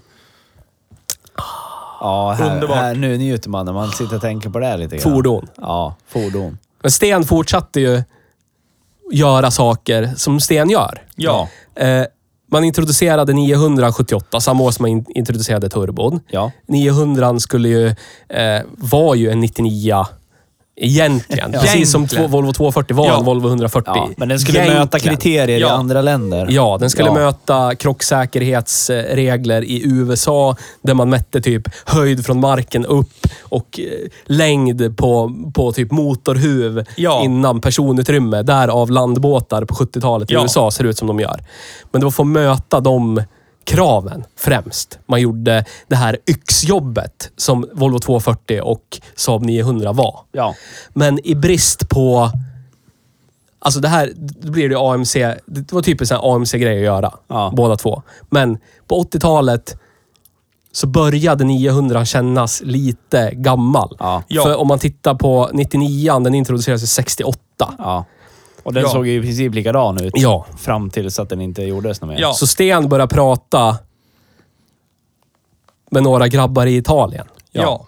Tja grabbar. Sten pratar. Tja grabbar. Lancia, Eh, närmare vi, bestämt. vi behöver bil. Ja. Ni behöver bil. Kan Ja. vi bil? Vi kan bil. Vi kan bil. Ja. Vi bil. Ja, nej, ja. Så att man... Si, per favore. Ja, Si, per favore. ja. Så man pratar om Hjälpas Eh, åt. De Fyras klubb. Ja. Om ni har hört De Fyras klubb. Berätta. Upplys oss. Och det var tre italienare och en svensk. Ja. Det låter som början på en... Riktigt Dålig bra porr, sketch. Ja. Riktigt bra porrfilm skulle jag säga. Tre italienare och en svensk Ja. går, in i en, går in i en bar. Ja. Ja, precis. Går in på Eh, porrklubb. fortfarande porrfilm ja. för mig. Ja. Men Alfa Romeo, Fiat, Lancia och Saab ja. Ja. eh, bestämmer sig med Stens initiering att här ska vi utveckla en plattform tillsammans. Ja. Långt innan det här med att utveckla en plattform tillsammans är en grej man gör. Ja, ja. Så Ja, för där är vi ju nu. Där Så är det har ju ju nu. alla biltillverkare har ju en plattform som Ja. sen är 1400 andra bilar typ. Ja. Så att, ja. ja. Återigen, det här som fascinerar mig med Saab, att de är så långt före sin Ja. tid och, och, Och ändå inte lever. Det är och, det som är nej, så men, och stört. ändå inte... Alltså, de, jag tror, alltså om man kollar tillbaka, och det här är rent alltså, min åsikt. Om man kollar tillbaka så gick ju Saab alltså, ut på helt outforskade territorium så många gånger Ja. och lyckades. Ja. Men det kostar ju på vägen jävligt mycket pengar och mycket av det som är citat, alltså, citattecken vedertaget i dagens tillverkningsindustri av bilar för alla företag. Det hade ju Saab redan för 40-50 år sedan. Ja. Liksom turbo, eh, nu här på 80-talet gled man in, tja grabbar i Fiat Lancia, Och då har vi inte, samma kaross, ja, eller samma bottenplatta, kan bli många bilar. då har vi inte Alltså, tagit upp såna här knarkiga grejer som de hade en Saab 9000, de kunde styra med en joystick. Ja, ja. Eh, på ja det var ju också så här flygplans... Ja, på 70-talet eh, utvecklade man en Saab 99 som gick på el, som kom 12 mil på el. Jävlar! På 70-talet. Den helt plötsligt blev eh, Försvann. patentet bara så här. Eh, det, det bara bytte ägare. Ja. Sen kan jag tänka mig att en portfölj gled över ett skrivbord Ja, ja, ja. och så hade Saab säkrat 10 år av produktion. Ja, säkert. Helt plötsligt. Ja. Och då var det så här, ja ja, vi får ta det. Ja. Det är vad det är. Japp. Så- vi, vi har ja. i, i relativ närtid, typ i alla fall för 20 år sedan, upplevt en knarkinnovation som vi är glada gick till produktion Ja. eh, i Sensonic-lådan. Ja. Som är en fantastisk sån Det är här... också en sån här, ja. Någon sitter... But why? Ja. Egentligen. Ja, men det skulle ju vara... Jo, någon, jag förstår. Någon Men, hade ja. kanske blivit av med vänsterbenet Jag i en eh, Nu ska vi säga som det är. Alltså ärligt talat, amerikanare kan inte köra manuell låda. Det var så här, hur kan vi få bort kopplingspedalen? Jag har en idé. Ja, Alltså, inga konstigheter. Nej. Här kan du köra manuell låda, men men det löser sig. ur det fyras klubb. Ja, ur det fyras Ur klubb. det fyras klubb fick Alfa Romeo fick 164. Ja. Fiat fick Kroman. Yes. Lancia fick Teman. Yes. Och Saab fick Saab 9000. Yes. Ja. Och det är samma plattform. Men det är eh, rätt mycket som skiljer. Ja. Saaben är gjord i mycket tjockare plåt. Ja. Den är karossförstärkt i efterhand. Ja. För att den var inte tillräckligt bra. Ja. Saab-esk. Ja. Bakvagnen är en helt annan än vad de andra tre har. För att Saab tyckte att den är inte tillräckligt bra. Ja. Den italienarna tyckte var perfekt. Ja. Och då måste jag, om ni nu sitter där och muttrar och kanske undrar, då ställer jag bara en simpel motfråga till eder. Hur många Fiat Croma, Alfa 164 och vad var det mer? Lancia Tema. och. Lancia Tema ser ni rulla på vägarna idag? Ja, det. Kontra kanske första versionen av Saab 9000. Nu Ja. finns det inte så många sådana heller. Jag gillar ju ändå, ändå Lancias take, take på det.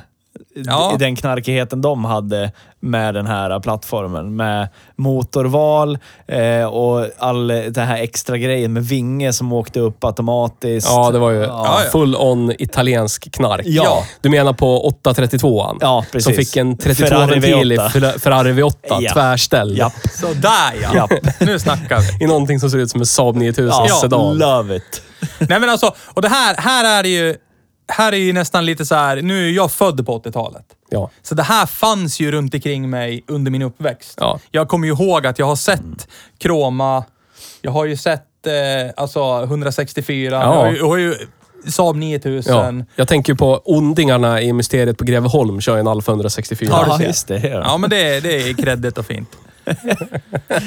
Men det är också en anledning till varför, ja, ni som har upplevt en Saab 9000, varför Saab 9000 har nyckeln bredvid ratten. Ja. Det är för att det fanns väl inte, det gick inte att rättfärdiga, här är en konventionell rattstång och rattlås och allting är här. Nej. Vi kan inte Nej. riktigt Vi kan se- inte lägga några mer pengar på att göra om den här dåliga Nej. italienska bilen. Sluta nu. Ni får leva med att det Ja. är... Ja. Ja. Och nyckeln sitter ju mellan stolarna av en säkerhetsteknisk anledning. Ja. Den sitter där för när du möter ditt öde voltandes ute i geografin. Så ska det inte göra ont i knät. Precis, du Nej. ska inte skicka knät i nyckelknippan Ja. som dinglar där under ratten. Snällt. Den ligger säkert mellan Ja, sätena i alla fall. Ja. Du bryter allting annat i hela världen Ja. och dör, Ja. men knät... det Ja, knä lever. Ja, helt det knä. Hur lugnt som helst. Och det är fint av dem. Jättefint. Och jag tycker det är en av många saker som jag älskar med Saab. Ja. är ju sådana saker. Ja, jag med. Och som den extremt välvda rutan på 99 och 900. Bara för att man ska få bättre sikt. Så att A-stolpen hamnar så långt bak det Japp. bara går. Ja. Japp. Det är så bra. Flygplanstänk igen. Ja. Ja. Men sen har vi ju... Nu är vi inne på början av 80-talet.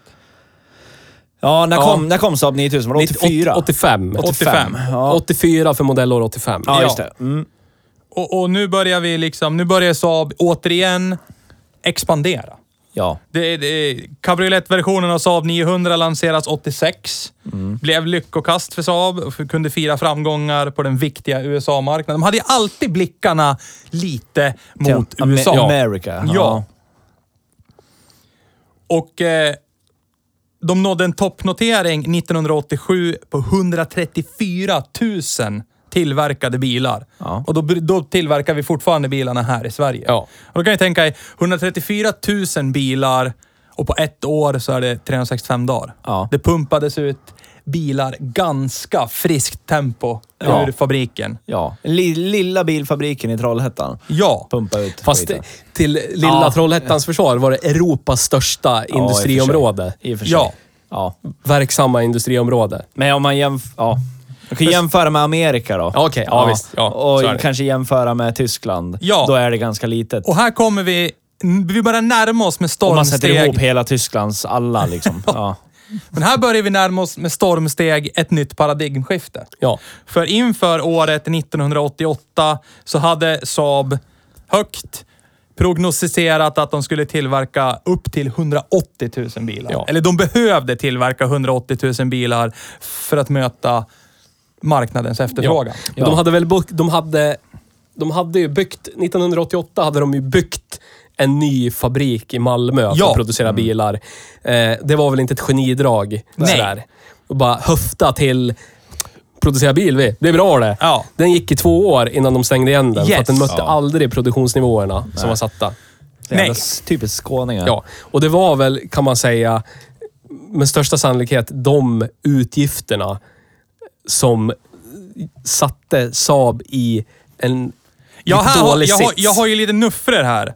1988 deklarerade bolaget en förlust på 205 miljoner kronor. Aj, aj, aj. Alltså slutet på 80-talet. 205 jävla miljoner. Det är pengar det. Det Ja, är pengar och sen eh, 1989, förmodligen här då, är ju faktorerat in bygget av den här fabriken i Malmö. Ja. Ja. Så då gjorde de en förlust på nästan 2 miljarder Aj, aj, aj. 1989. Det är dåligt det. Och här börjar vi då närma oss vad vi skulle vilja anse slutet. Det andra För- paradigmskiftet. Det, andra, Tredje, det tredje, Tredje paradigmskiftet. paradigmskiftet. Ja. Och det sista. Ja. Precis. Kommer eh, amerikanerna. Ja, Tja, som så mycket annat. Jag tänker osökt på eh, Daimler Chrysler. Ja. Det blir inte bra Nej. när jänkare, Fat Man from Kentucky, ska komma och säga till europeer vad de ska göra. Nej.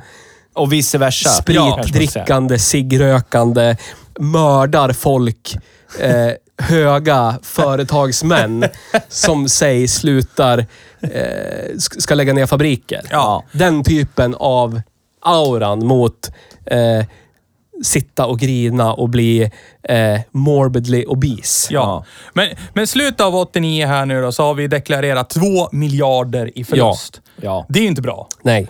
Så ekonomin är återigen dålig Ja. i Saab. Och då tas samtal upp med bland annat Mazda och amerikanska Ford om samarbete via då svenska företaget Investor. Ja. pratas det om Ja. att eh, pengar ska byta ägare, kom Ja. nu, eller vi hjälper varandra på något sätt. Men Ja. vi, kontentan är Saab behöver in pengar. Ja.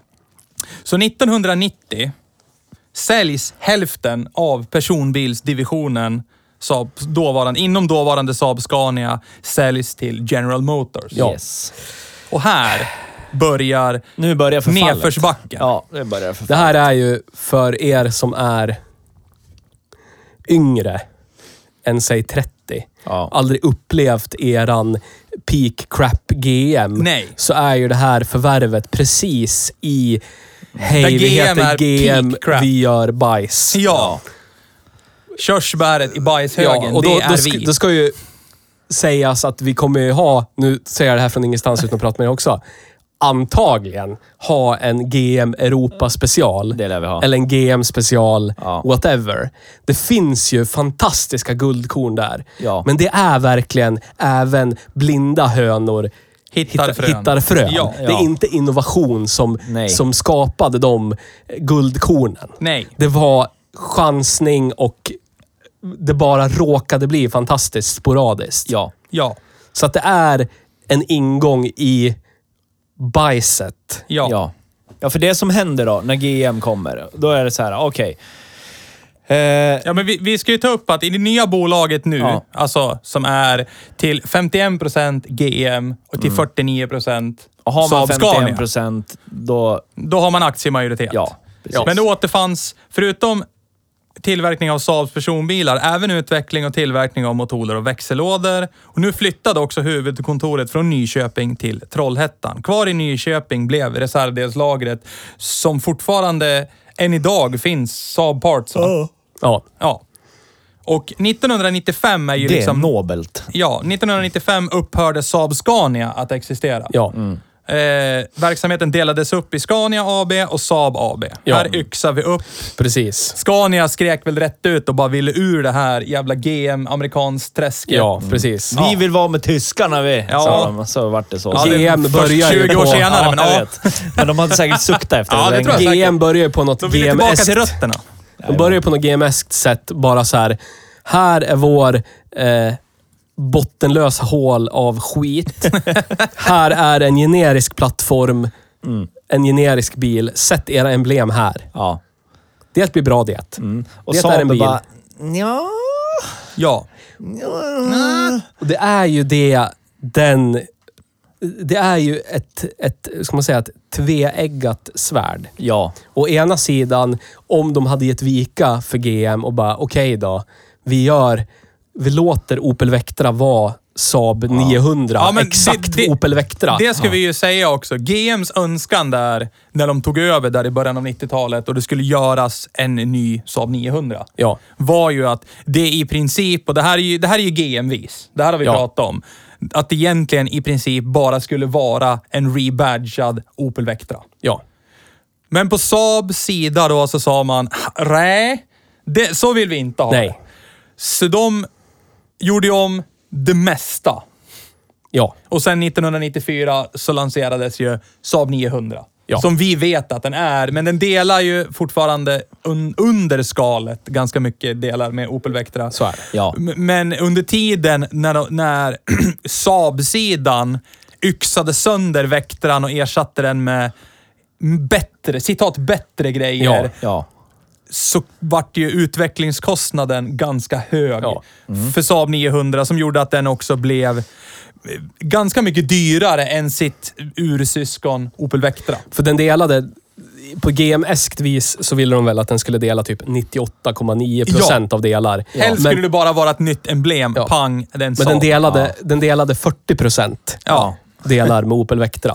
Det är mycket mindre det. Ja, det är det. det. Det. Och de hade satt som mål att Saab 900 skulle sälja... Eftersom den här kostnaden för att utveckla, eller omutveckla Opel Vectran till en Saab 900, för att gå break-even på hela det liksom kostnaden, så skulle det säljas minst 150 000 bilar per år. För att det Ja. skulle vara någon sorts avans att hämta på Saab Ja. 900. Ja. Och, och på Saab vis då så naturligtvis så nådde man ju inte upp till Nej. 150 000 sålda X. Utan det pendlar mellan 80 000 och 120 000 Ja. bilar under den perioden. Precis. Ja. Och deklarerade under tiden jättestora förluster. Alltså på, inom Saab-avdelningen. Ja. Det här har ju... Vi, innan vi spelade in det här så satt vi och diskuterade lite. Det här är ju... Utan att outa någonting. Jag har jobbat inom ett företag som en gång i tiden var en myndighet. Ja, men vi tar det som slutkläm. Mm. Ska vi göra det som slutkläm? Ja, vi gör det Okej, som ja. slutkläm. Mm. Jag, jag kan, får jag bara flika in med en tanke? Ja. Eh, Kan vi, kan vi bara reflektera lite snabbt över och, och, och ge några slags utlåtanden på vad skulle hänt med Saab i, va, om man Kan hade... vi ta det i slutklämmen också, tänker jag? Ja. Alltså, vi, men jag delar upp, efter- ja, ja. vi delar upp det som en, Ja. liksom, en slutgrej, vad vi vill komma någonstans. Eller vad, vi, vad det skulle ha varit. ja, En utopi. fortsätt. För 1997 så lanseras ju Saab 95. Ja. Då kommer ju den och ersätter den föråldrade Saab 9000 som har Ja. gått igenom två, tre, två och en halv. Typ två och en halv, Ja, ja. två och en halv. Från, från mitten på 80-talet fram till nu 97 så har den ju... Och sista modellen var ju, kallades ju internt A50 Ja. jubileumsmodellen. Eh, och den ersattes 97 av 95. ja. Som är en GM-produkt också. Ja. Som är en, en förlängd Vectra-plattform. Ja. Och den blev ju populär. För det dög Ja, det blev inte det. med vanliga Men sen Vectra. till slut då, efter att GM har sparkat och slagit på Saab-personal och deras ledning tillräckligt länge, så 1999 så kommer ju Saab 95 kombi. Ja. Till slut. Till slut. Den andra kombin i företagets historia. ja. Som sagt. Och det står, det är första gången sen de la ner tillverkningen av Saab 95 1978 så kommer det en kombi. Precis. Och det är en fantastisk kombi. Ja, det är det. Men den, jag kommer ihåg när den där kom att det kändes väldigt eh, icke-sabigt med en Ja. kombi. Det kändes väldigt urvattnat och eh, jag vet inte. Det kändes fel på Mm. något sätt. Det är som att VAG skulle ha en bra bil. Ja. Ja, det Och nu vore ju börjar vi också jättekonstigt. närma oss en, an, en, en slutgiltig spik i kistan, skulle jag säga. För runt 2000 så har de ju fortsatt finansiella problem. 1995 var senaste året som Saab gick med vinst. Och nu går ju GM in och acquirar resten av de här 49 procent av ägarandelen och blir helägare i Saab. Det är ju i någon slags tro att nu kanske vi kan få kontroll på den här jävla idiotföretaget. De Ja. gör ingenting vad vi säger att de ska göra. Ja. Freebasea sönder, brutala utvecklingskostnader. Ja. Men Det här jä- jävla lallarna som inte kan hantera det, pengar. Det enda det egentligen leder till är att man lyckas med andra medel rebadga bilar och tillverka dem på andra produktionsenheter än i Trollhättan. Ja. Jag tänker på Cheva Tahoe som är 97X. Ja, Och som en ba- Lincoln Navigator. Ja, Precis. Trailblazer, Ja, alltså ja. ja. T- Lincoln är Nej, inte Lincoln, det är Ford. ja. Ja, just och det. GM är ju också där med, med en hand i kakburken på Fuji Heavy Ja, precis. under den tiden. Så att Subaru Impresan blir 92X. 92X. Och det är ju egentligen, det, det har jag reflekterat över när jag har gjort research, research inför det här. Ja. Det Saab 92X blev, det det var, det var ju exakt det GM ville att de skulle göra med Vectran. Från början, Precis. ja. Exakt så. Exakt. Gör lite Saab Escalysen och så Ja. bara tst, emblem så. Ja. Låt det vara. Ja. Blir billigt. ja. Men, Men, det är en Saab, ser du väl? Ja. Den står ju på den. står ju det. Boxe 4, typiskt Saab Ja, verkligen. Lär du ju fatta. Åh. Och Ja. sen har vi ju fram till 2008 då, från 95 när de gick med vinst. Ja. Fram till 2008 så deklarerade företaget en total förlust på 25,55 miljarder kronor. Ja. Under den tiden. Ja. Ja. Och enligt Dagens Industri var förlusten under de sista åtta åren 32 miljarder kronor. Det är ju förståeligt. Eller 35 000 kronor per såld Saab-bil. Det är ju förståeligt att det till slut blev som det blev. Så är det ju. Tyvärr. absolut. Men det är, det är väl det vi borde gå in på. Det är det den här, det här tveeggade svärdet är. Ja. Hade de bara varit compliant med GM och bara det smackat på Ja. Saab-emblem på väkterna, Ja. då hade de nog levt idag. Men då hade det något inte sätt. varit Saab. Nej. det är det Nej. som är grejen. Och Nej. där, där någonstans så är ju också det ett tveeggat svärd i vad man kan tycka. För å ena sidan så sörjer jag ju, rip in peace, att Saab inte finns längre. Ja. Ja. Men jag tycker ändå att det är något vackert i att de stod fast i sina principer. Ja. Det är så här vi vill tillverka våra bilar. Det är så här vi vill göra våra bilar. Ja. Vi håller fast i vårt arv. Om än CP-korkat i utförandet när man Ja. bara eldade deg till höger och vänster bara för att vara innovativa och knyta tillbaka till någon sorts flygplansarv så är det ändå någonstans den här tjusningen när jag tittar tillbaka på, okej, Saab finns inte längre. Men de höll fan i hela jävla tiden och de, de gav sig inte. They went down swinging och sen vart det inget mer. För och jag mig- ser ju nästan hellre om jag tittar tillbaka att det händer än att säga 1992 att de bara går med på att smälla på Saab badges på en Opel Vectra. Ja, håller med. Ja, visst. Det gör jag. Absolut. Håller med. Men för mig är ju den sista, sista riktiga Saaben, det är ju, jag kan sträcka mig till, om jag verkligen ska anstränga mig ordentligt, då är det eh, OG 93 För då är det fortfarande, visst, det är första Ja, de här GM Viggen, Saaben. eh, Ja, ja. Det är första GM Saaben. Men det är fan inte mycket GM där. Nej, det är det inte. Jag håller med. Så om jag skulle säga peak Saab för mig, för då är fortfarande... Du har ju ultraknarket. Du har typ... Alltså fatta typ en, en, en OG93 med Sensonic-låda. Ja. Och typ två liters turbomaskin. Ja, Viggen-paketen. Ja, Viggen-paket. Oj, oj, det är så oj, där, oj, oj. peak knark, svensk Ja. eh, Ja. ingenjörskonst. Ja, Svensk idioti, Ja. ingenjörskonst. ja. In, inget som du behöver ha, men det är Nej. jävligt coolt att ha det. Ja. Det, är så här, det är så precis som en annan i sin egen ekonomi privat. Det är så här, vissa saker måste du inte ha, men du vill över en ny stereo. Ja. Du vill över en ny dator eller ny skärm. Alltså förstår du vad jag menar? Ja, ja. Och, och det blir ju... Någonstans så kan vi också som privatpersoner relatera till det där det där extravaganta, inte vara så konservativ utan bara, här vill vi göra. Alltså, lever Ja. ut sin liksom dröm utan tänk tanke på konsekvens. Precis. Lite grann. Men vi kommer ju då, med tanke på hur man bara går med brakförlust hela tiden, så kommer vi ju till hösten 2008. Ja. När General Motors går på knäna. Ja. Och där de har för avsikt att sälja Saab. Och den sagt på med vid face value, när de säger att de vill sälja Saab, så säger ju svenska regeringen, de erbjuder sig att köpa Saab. Ja. Men det grusas ganska fort när näringsminister Maud Olofsson tidigt meddelade att eh, tänker man inte göra. Så 20 februari 2009 begär General Motors företaget i rekonstruktion. Ja. Vilket pågick till augusti samma år. Ja. Den 11 juni 2009 avslöjade SVTs Rapport, Shoutout till Public Service, Hej, hej. Hej. att Koenigsegg Group, bestående av den lilla svenska sportbiltillverkaren Koenigsegg, tillsammans med investerare från bland annat Norge, skulle bli de nya ägarna. Detta Ja. bekräftades officiellt dagen därpå av Koenigsegg Group. Koenigsegg Group visade sig dock sakna kapital och 9 september 2009 meddelades att man tänkte ta in kinesiska BAIC som minoritetsägare för att få fram detta. Ja. yes, we are five years Yes. old over here.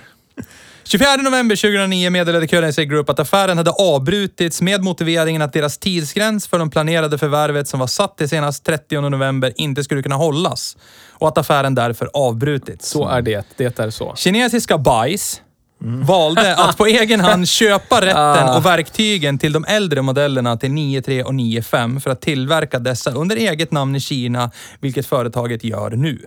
Ja. Efter ett sammanträde mellan ledningen för General Motors och svensk regeringsdelegation i Detroit så. beslöt man att Saab Automobil skulle få ytterligare en månad på sig att hitta en ny ägare. Nya bud kom in, bland annat ett från den förlustdrabbade lilla nederländska sportbiltillverkaren Spiker Cars. Twi fan. Den 18 december 2009 beslöt General Motors för att avsluta de resultatlösa förhandlingarna och inleda avvecklingen av Saab. Ja. RIP in peace. Ja. Ja. Den 8 januari 2010 meddelade GM att det inlett nedläggningen av Saab Automobile genom att begära företaget i likvidation. Samtidigt skulle de fortsätta studera de inkommande buden längs vägen. Den 12 januari klockan 12 lade samtliga anställda på Saab Automobil ned arbetet för en halvtimme vid lunchtid, samlades till en manifestation utanför huvudporten för att protestera mot beslutet om nedläggning. Hade det här varit i Frankrike nu då? Ja, då hade det brunnit, folk hade dött. Ja, så. För nu kan jag tänka mig att de stod i Trollhättan med händerna Ja. i fickorna. Ja, jag då? Och under januari månad arrangerades även ett stort antal stöddemonstrationer av miljontals Saab-entusiaster världen över. Den 26 januari 2010 gick GM, GM trots allt med på att sälja Saab Automobile till Spiker Cars efter att företagets VD Viktor Müller försäkrade att man hade gjort sig av med den kontroversiella ryska affärsmannen Vladimir Antonov Japp. som delägare och långivare. Vladde. Att den svenska regeringen gick med på att stå som garant för ett lån på 4,2 miljarder från den europeiska investeringsbanken. Köpesumman blev 74 miljoner dollar. Plus preferensaktier i Spiker med ett nominellt värde på 326 miljoner dollar. Sen är det en kort period här. 24 februari undertecknades köpekontraktet mellan Saab, eller GM och Spiker Cars. Och köpet blev färdigt. I mars 2011 dock beslutade sig bolaget för att helt fokusera på Saab och Spiker-delen skulle säljas till företaget CPP Global Holdings Limited. Detta innebar att bolagsstämman den 19 maj beslutades om att byta namn till Swedish Automobile NV. Och det är väl förmodligen nederländska någonting. Ja. Och så, det, här, det här declinet fortsätter ju och visar ju sig sen att Victor Müller inte riktigt hade varit Nej. sådär ärlig. Nej. Utan den här personen som han lovade skulle vara borttagen ifrån den här finansiella dealen fortfarande fanns lite Jag skulle kvar vilja leka med tanken. eh, Jag tror ju att eh, eh, hade, hade Christian, Ja, då tror jag vi kunde ha haft någonting. det tror jag också. Faktiskt. Ja. Har han pumpat in eh, deg från eh, sportbilarna in i Saab. Ja. Ja. Inte för kanske göra en storskalig produktion av bilar till den breda massan, men kanske så här. äh, Tänk er, de gör hypersportbilar och sen kunde de göra sportbilar Ja, ja. som säljs i någon slags begränsad upplaga. Men, som kanske, ja men ni fattar. Och nu- nu under, och jag kan bara göra det här lite fort. Under 2011 nu så blir det stora problem med likviditetsbrister inom Saab. Fabrikernas, produktionen i fabriken stoppas vid upprepade gånger Mm. under det här året för att personalen får ingen lön. Det Nej. finns inga pengar och man säljer alldeles för lite bilar. Man Ja. säljer mellan 30 och 50 000 bilar nu bara, projicerat, alltså, projekterat över ett år. Ja. Det går inte alls något bra det här. Nej. Och i slutet av 2011, med många resor till höger och vänster och det tas in alltså, olika aktörer för att supporta det här numera ganska hårt sjunkande skeppet som är Spiker med ledning av, eller med, med Saab, med ledning av Spiker som Ja. inte alls sköter sig. Så lämnas en konkursansökan in. Den 7 september vid Vänersborgs tingsrätt. Och sen Ja. är det massa strul och det är massa jidder som blir av.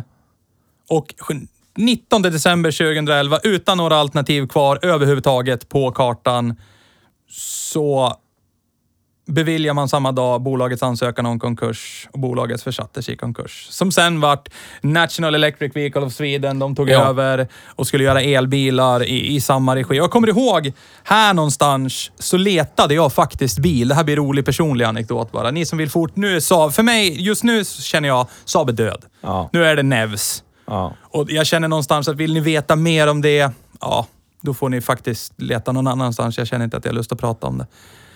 Men det som blir är, de har, det finns ju fortfarande någonstans ett, en, ett lager av bilar kvar i det här företaget. Som, eh, som då Nevs ska sälja. De ska bygga klart de här bilarna och Ja. sälja dem. Ja. Och jag vet att på den tiden då så kunde man köpa så här fabriksnya 93 Ja. Alla var nästan alla var vit. Ja. Och eh, om ni kommer ihåg så såg loggan annorlunda ut. Ja, det var det- bara en ja, svart Saab-badge och så stod det bara Saab. Ja. Inte Gripen, Nej, utan... för där hade Scania gått in och sagt att glöm det, Gripen-loggan får ni inte. Nej. De- Den, den, för de, de, hade, tro, de trodde att det skulle användas på lite fel sätt på andra marknader. Och rida lite på Scania, Gripen-loggan. ja, nej men det är helt rätt. Så då vart det den här svarta emblemet, Saab stod det bara. Ja. Och här någonstans så såldes ju de sista färdiga Saabarna 93 Ja. Och även sen vid konkurs, eller vad heter det då? Eh, när man gör exekutiva auktionen ja. för det, det som fanns kvar i konkursbot. Så såldes ju förseriebilarna av kombi 95 Ja. som skulle komma. Ja. Det är ju en special i sig för övrigt. Jag var inne och kollade på de auktionerna då och då kommer jag ihåg att det stod en jättestor sån här friskrivningstext att det här är förseriebilar, demobilar. Ja. De är inte godkända, och, ja, typ godkända för gatubruk. Nej. Så ni kan inte köra de här på allmän väg. De säljs som en del, alltså ett historiskt... De, de säljs som ett mer eller mindre ett konstverk. Ja. Och jag tror, de, jag tror de låg med, beroende på utrustning och vad det nu var för färg, och vad, jag tror med mellan 400 och 500 000 såldes de här Ja. Saab 95 kombina för. Och sen vet jag, bara, bara säg en fyra, fem år senare, så såg jag en, en artikel i, i, i någon större biltidning. Ja. Där det var någon som hade satt sig ner och, och hade pengar då naturligtvis. Han hade Ja. köpt en Saab 95 kombi. Och hade utforskat och kommit fram till att jag kan köra ner den här Saab 95 kombin till Tyskland via deras, jag tror det heter ADAC va? Ja. Alltså deras variant av våran, eh, vad heter det, bilbesiktning, ja, bilprovning. precis. Ja. Och få bilen och hade ju samlat på sig så pass mycket dokument längs vägen om alltså, att det här är, för Saab 95 sedanen, den nya, fanns ju. En Opel Insignia liksom. Ja, men den fanns ju och han kunde ju någonstans bevisa att det här är ju samma bil, bla bla bla. Ja. Och fick den typ inregistrerad, typregistrerad. Och så kunde han... Den vart inregistrerad i Tyskland. Ja. Som en laglig bil inom EU. Ja. Och då kunde han plocka åter, han kunde återimportera sin egen bil och registrera den i Sverige. Ja. Och jag vet att det var en eller Riktig två... Saab-anda. Ja. Loophole. Ja. Så, jag tror det rullar... Totalt, efter det så var det en eller två personer som följde samma... Alltså det här kostar ju en slant. Det är inte skitbilligt och, Nej, nej, och nej. gå den här vägen. Jag tror säkert att det kostade mellan 50 och 100 000 för att få den här bilen inregistrerad. Ja. Men jag tror det finns totalt två eller tre stycken Saab 95 kombi som rullar och är fullt lagliga. Det är sjukt. Eh, Men vi kör jättegärna Saabar Ja, i den här ja. podden. Så vi har inte det ju. kört så mycket Saab. Nej, men, men- vi, vi har ju historiskt sett har vi kört ganska mycket Saab alla tre. Ja. Så är det. Och, och vi gillar ju Saab och min, min, min resterande del av min familj är ju Saab-fantaster. Även fast de på pappret kanske inte verkar Saab-fantaster. Hej pappa, hej min bror. Båda har ju Saabar. Så det kommer Saabar. Det kommer Saabar och min farsa har ju förmodligen den mest fascinerande Saaben, för det är ju min gamla Saab. Jag köpte ju den Saaben 2014. Ja, Då hade den gått 32 000 mil, den där två liters flexi... GM Produkts Ja, 4. GM Produkts 4. Och den har idag gått typ 39 000 mil. Rullar alltså fortfarande utan några större problem. Det tycker jag är jättekul. Ja, Måndag, måndagsexemplar fast tvärtom. ja fast tvärtom. Men, Men- men, ska vi någonstans... Jag hade ju, när vi pratade innan här, nu ska vi ju gå... Nu freebasar vi med lite konklusion. Varför blev det som det blev? Och sen kan vi hoppa över till vad tror vi det hade landat? Ja, men jag tror ju, Ja. jag tror ju en del i är att man hade så mycket pengar ur statlig ficka alla flygplansår. Och hela den Ja, utvecklingsfasen, säg från eh, under hela 50-talet och Jo, men precis. 60-talet. Alltså, Eh, det var ju lite det vi pratade om. Alltså, jag, från början så var ju Saab inriktad mot plan och det var krigsverksamhet Ja, ja. och det skulle liksom med massa pengar. Och staten, Bofors, plöjde ju in deg. Ja. Och, och, Och det jag- blir ju jag som har jobbat på ett företag Ja, som nu är en vi gång där. var Ja. en statlig Ja. myndighet. Nu är vi där. Ja. Eh, trots att man inte är en statlig myndighet längre, Nej. så är verksamheten Bedrivs. bedrivs Ja. som en statlig myndighet.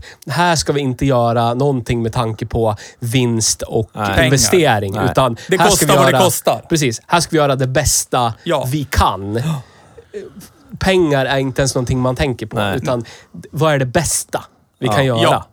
Punkt. Och, och, och, där, och det är ju på grund av förmodligen de här ingenjörerna som efter kriget gick över, alltså konstruktörer och ingenjörer som gick över ifrån aeroplan, alltså flygplanstillverkningen, in i automobil. Ja. Ja. De var ju van med, de behövde inte tänka på pengar. Nej. De behövde inte fundera i de banorna att det här är ju för dyrt i utformningen av hur rutan ska Nej, se precis. ut och hur det ska tillverkas. För att det ska ju bara vara så. Ja. Så man var van med den här, de här statens djupa fickor, inga problem med pengar. Det är ju en, en, en, eh, en ren gissning, men det känns ja, alltså det, väldigt det, det är en teori och det känns någonstans som att arbetssättet hela tiden följde med. Ja. ända Ja. fram tills typ när GM tog över 89. Ja. Och de försökte ju även de förgäves. Men grabbar, tänk på pengen. Gör så här, gör så Vadå? här. Det är så här, de fick Opel Vectran med uppmaningen om Den här. kommunikationen fastnade mitt på pölen Ja, det, det, jag tror att det Så- studsar bara Ja. av. Det bara, ja vi hör vad du säger. Ja. Men... eh, Och så var det, tog man Ja. en sipp kaffe, gick ner och pratade Ja. med förmännen. Exakt. Kör på som Ja, vanligt kör va? på. Det är lugnt Utveckla, det. kör. Konstruktion får bygga nytt här. Det här är ju skit det här. Det Bygg är nytt. Det är kör bara. Och någonstans, återigen, tjusningen med Saab. De gick hela tiden sin egen väg Ja. och körde på det de trodde på. Ja, ända in i döden. Ja, ända in verkligen i döden. Ja. Och jag menar, det tog ändå från 78 till 99 och förmodligen, säg från 90 där, när de tog över 51% av aktierna GM. Alltså nio år av typ sparkande, vevande, ultimatum, gör en kombijävel. Ja. Och då till slut när de hade gjort förlust Åh, i typ fyra fem års tid, så bara okej då. Ja. Vill väl ha något som säljer då. Ja, men och det är också så här ironiskt, för det är som Theo sa, det är en förlängd Vectra. Ja, ja. Ja. För det räckte inte med en Vectra. Nej. Nej, för Vectran finns ju som kombi. Ja. Ja, men på Saab-manér då? Ja, men vi ska fixa lite bara. Ja, ja. Vi, klart vi ska... Ja. Vi gör väl en kombi då? Ja. Okej då. Men vi ska också göra det här för att göra den på vårat sätt. Precis. Det, ja. Men det är Saab-eskt. Och Ja, vi ja, älskar ja. Saab och vi sörjer Saab. Ja. Rip in peace. Så det var i alla fall vad vi tror. De, Ja. har, de har varit vana med så mycket överflöd av pengar så att de bara åkte. Ja, man, leker med tanken då, också. man leker med tanken att de hade stämt i bäcken och gjort, som vi sa, att ja, men som eh, Saab 92X, Subaru Impresa. Ja. Man hade gjort så med varje modell. Ja. Då hade ju förmodligen Saab levt idag, Ja. tror jag. Men det hade inte varit samma sak. det, hade varit, det hade ju inte varit Saab. Nej. Men, men Det skulle man, vara en postmodernistisk eh, take på Ja, Saab. precis. Alltså det roliga är ju, vi, vi har ju internt här pratat om, från GM tog över där 89-90, Mm. så tycker vi att det är en långsam nedförsbacke. Ja.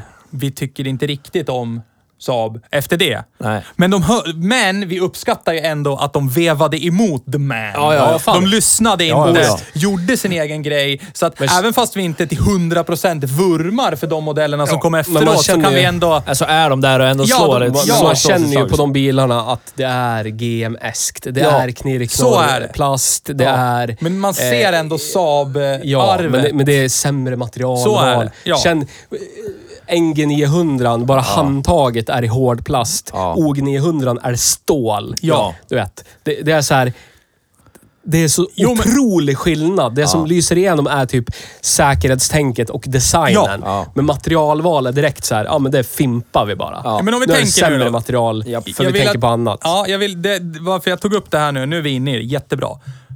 Men om vi tänker nu då att 89-90 så gjorde de helt 100% som de blev tillsagda. Att de i princip bara rebadgar en Opel Vectra och släpper den som 900. Ja. Vad skulle vi tycka då? För trots allt så har vi ändå någon form av Mm, vi känner en tilldragelse till Saab-modellerna på 90-talet. Ja. För, att vi, Oh ja. för att vi känner igen Ja. Saab-dragen. Det finns där, men det är nerknarkat av dålig kvalitet, byggkvalitet. Ja. Alltså, men hur skulle vi känna... För, för, för på den tiden så fanns det ju fortfarande folk som vurmade för Saab och köpte Saab för att man alltid har köpt Saab. Ja. Men ju, då, om de hade tvärvänt och lyssnat på GM och rebadgat en Opel Vectra, Ja. då tror jag nog att det hade gått ännu fortare utför. Det tror jag. Ja. Absolut. Det Och då är det ju frågan om de hade vunnit hade poäng på andra marknader där det inte fanns en sån stark känsla för Möjligt. det här är Saab. Möjligt. Men, Att men bara, någonstans... Åh, quirky European car. Ja. Ja, precis. Bla, bla, bla. Och, och sen har vi ju det här defining moment när Koenigsegg inte fick köpa Saab. Ja, där, där tror jag vi hade ett vägskäl som hade För där hade... kunnat rädda ja, skiten faktiskt. För någonstans så tror jag, ett, Christian von Koenigsegg. Hej hej. Han- vi, vi han är inte sponsrade av dig, men Nej. vi skulle kunna bli. Jag tror han hade också liknande förkärlek till Saab Ja, som vi har. Jag tror också det.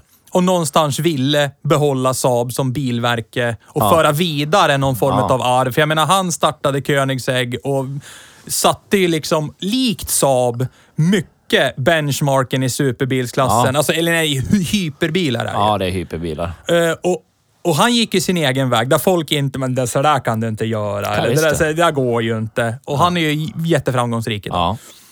Och dessutom så vet jag att det fanns ett inofficiellt samarbete, för Christian von Koenigsegg har ju en, en liten sidobusiness som heter Freevalve. Ja. Det har ni hört talas om? Ja. Ja. Där det är tryckluftstyrda ventiler Ja. istället för att det är kam och kamkedja och Ja. grejer. Och testmulan för den tekniken var en Saab 95. Ja. Det var alltså 2.3an, men med deras freevalve-topp Ja. som de testade på. Ja. Och det, och det var ju innan, säg innan det här 2009-10. Så jag tror han hade en tanke Han där han såg mind. potentialen. Ja. Och att han kunde kanske... Så att jag tror ju... För nu sålde... För det var ju... Re, regeringen kunde inte gå i garant för lånet som Christian von Koenigsegg med samarbetspartners behövde ta. För, för, att, eh, för att få köpa Nej. Saab. Eh, och Spiker hade den garanten och fick Ja. de där 4,4 4,2 miljarderna ifrån Europeiska banken med svenska regeringens garantpengar. Och Ja. de pengarna, de landade ju på helt andra ställen än vad de Ja, skulle jajamän. göra. Och, och sen så försvann ju bara Saab. Ja. Svenska regeringen vart ju lurad och Europeiska investmentbanken vart ju också lurad. Alltså. Så att det är ju trist. Men jag tror någonstans att Koenigsegg Där, jag hade tror han fått ta över där? Ja. Jag tror det hade varit jävligt spännande. ja, det tror jag med. I alla fall med tanke på hur bilindustrin ser ut idag. Ja, ja. Tänk dig Saab som en spelare i bil, bilvärlden idag. Ja, ja. Det hade varit jävligt ja intressant. det hade varit jävligt intressant. Du hade något att säga? Jag ska sälja min eh, Rape-van och köpa en Saab. Ja, Ja. gör det. Gör det. Tack. För mig. nu måste jag gå på toa. Ja, Ja. Nu har vi pratat Saab jättelänge. Ja, vi Ja. skulle kunna veva ihop det här. Vi har... Vi älskar ju Saab. ja, Ja. Av många av anledningarna som vi har pratat om idag. ja. Eh, och som du sa Theo, det finns säkert många yngre lyssnare som lyssnar på det här som inte riktigt har... Man har en förutfattad mening om Saab Ja. och det är för att man har upplevt Saab från 94 och framåt. Ja. Tops. Ja. ja. ja. Och där är det ju GM som har varit inne och Innan förstört. det Ja. tycker vi Ja. är guldåldern för Ja. vad Saab är för någonting. Absolut. 76 till 89. Ja. Alltså där. Ja.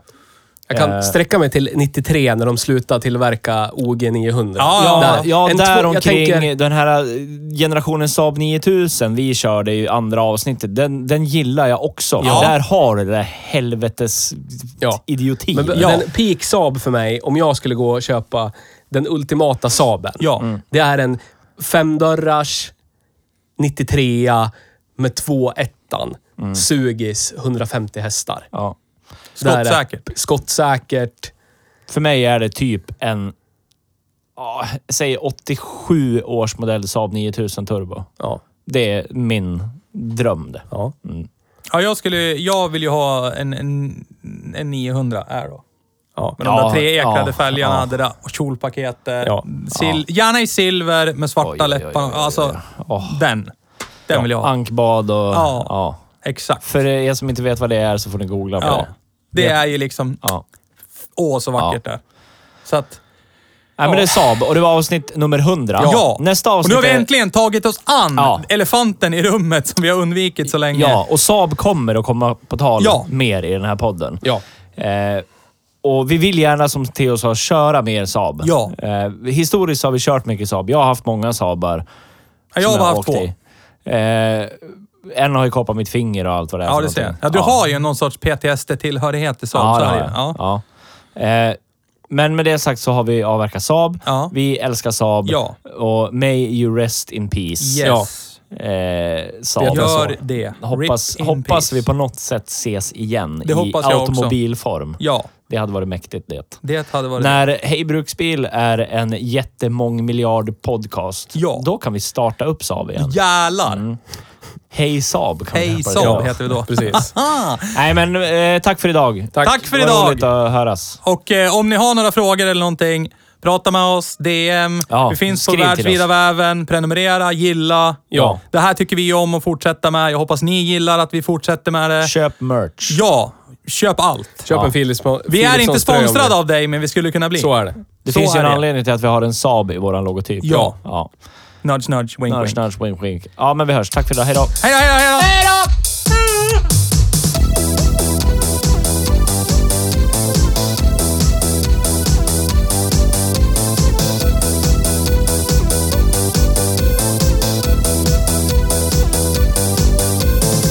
Jag träffade på en tjej på Max som ville ut på fest. Jag sa att jag var cowboy och min snopp var arbetshäst. Hoppa in i epan och rulla iväg från stan. Jag tog på hennes lår och sa nu blir du snart med barn.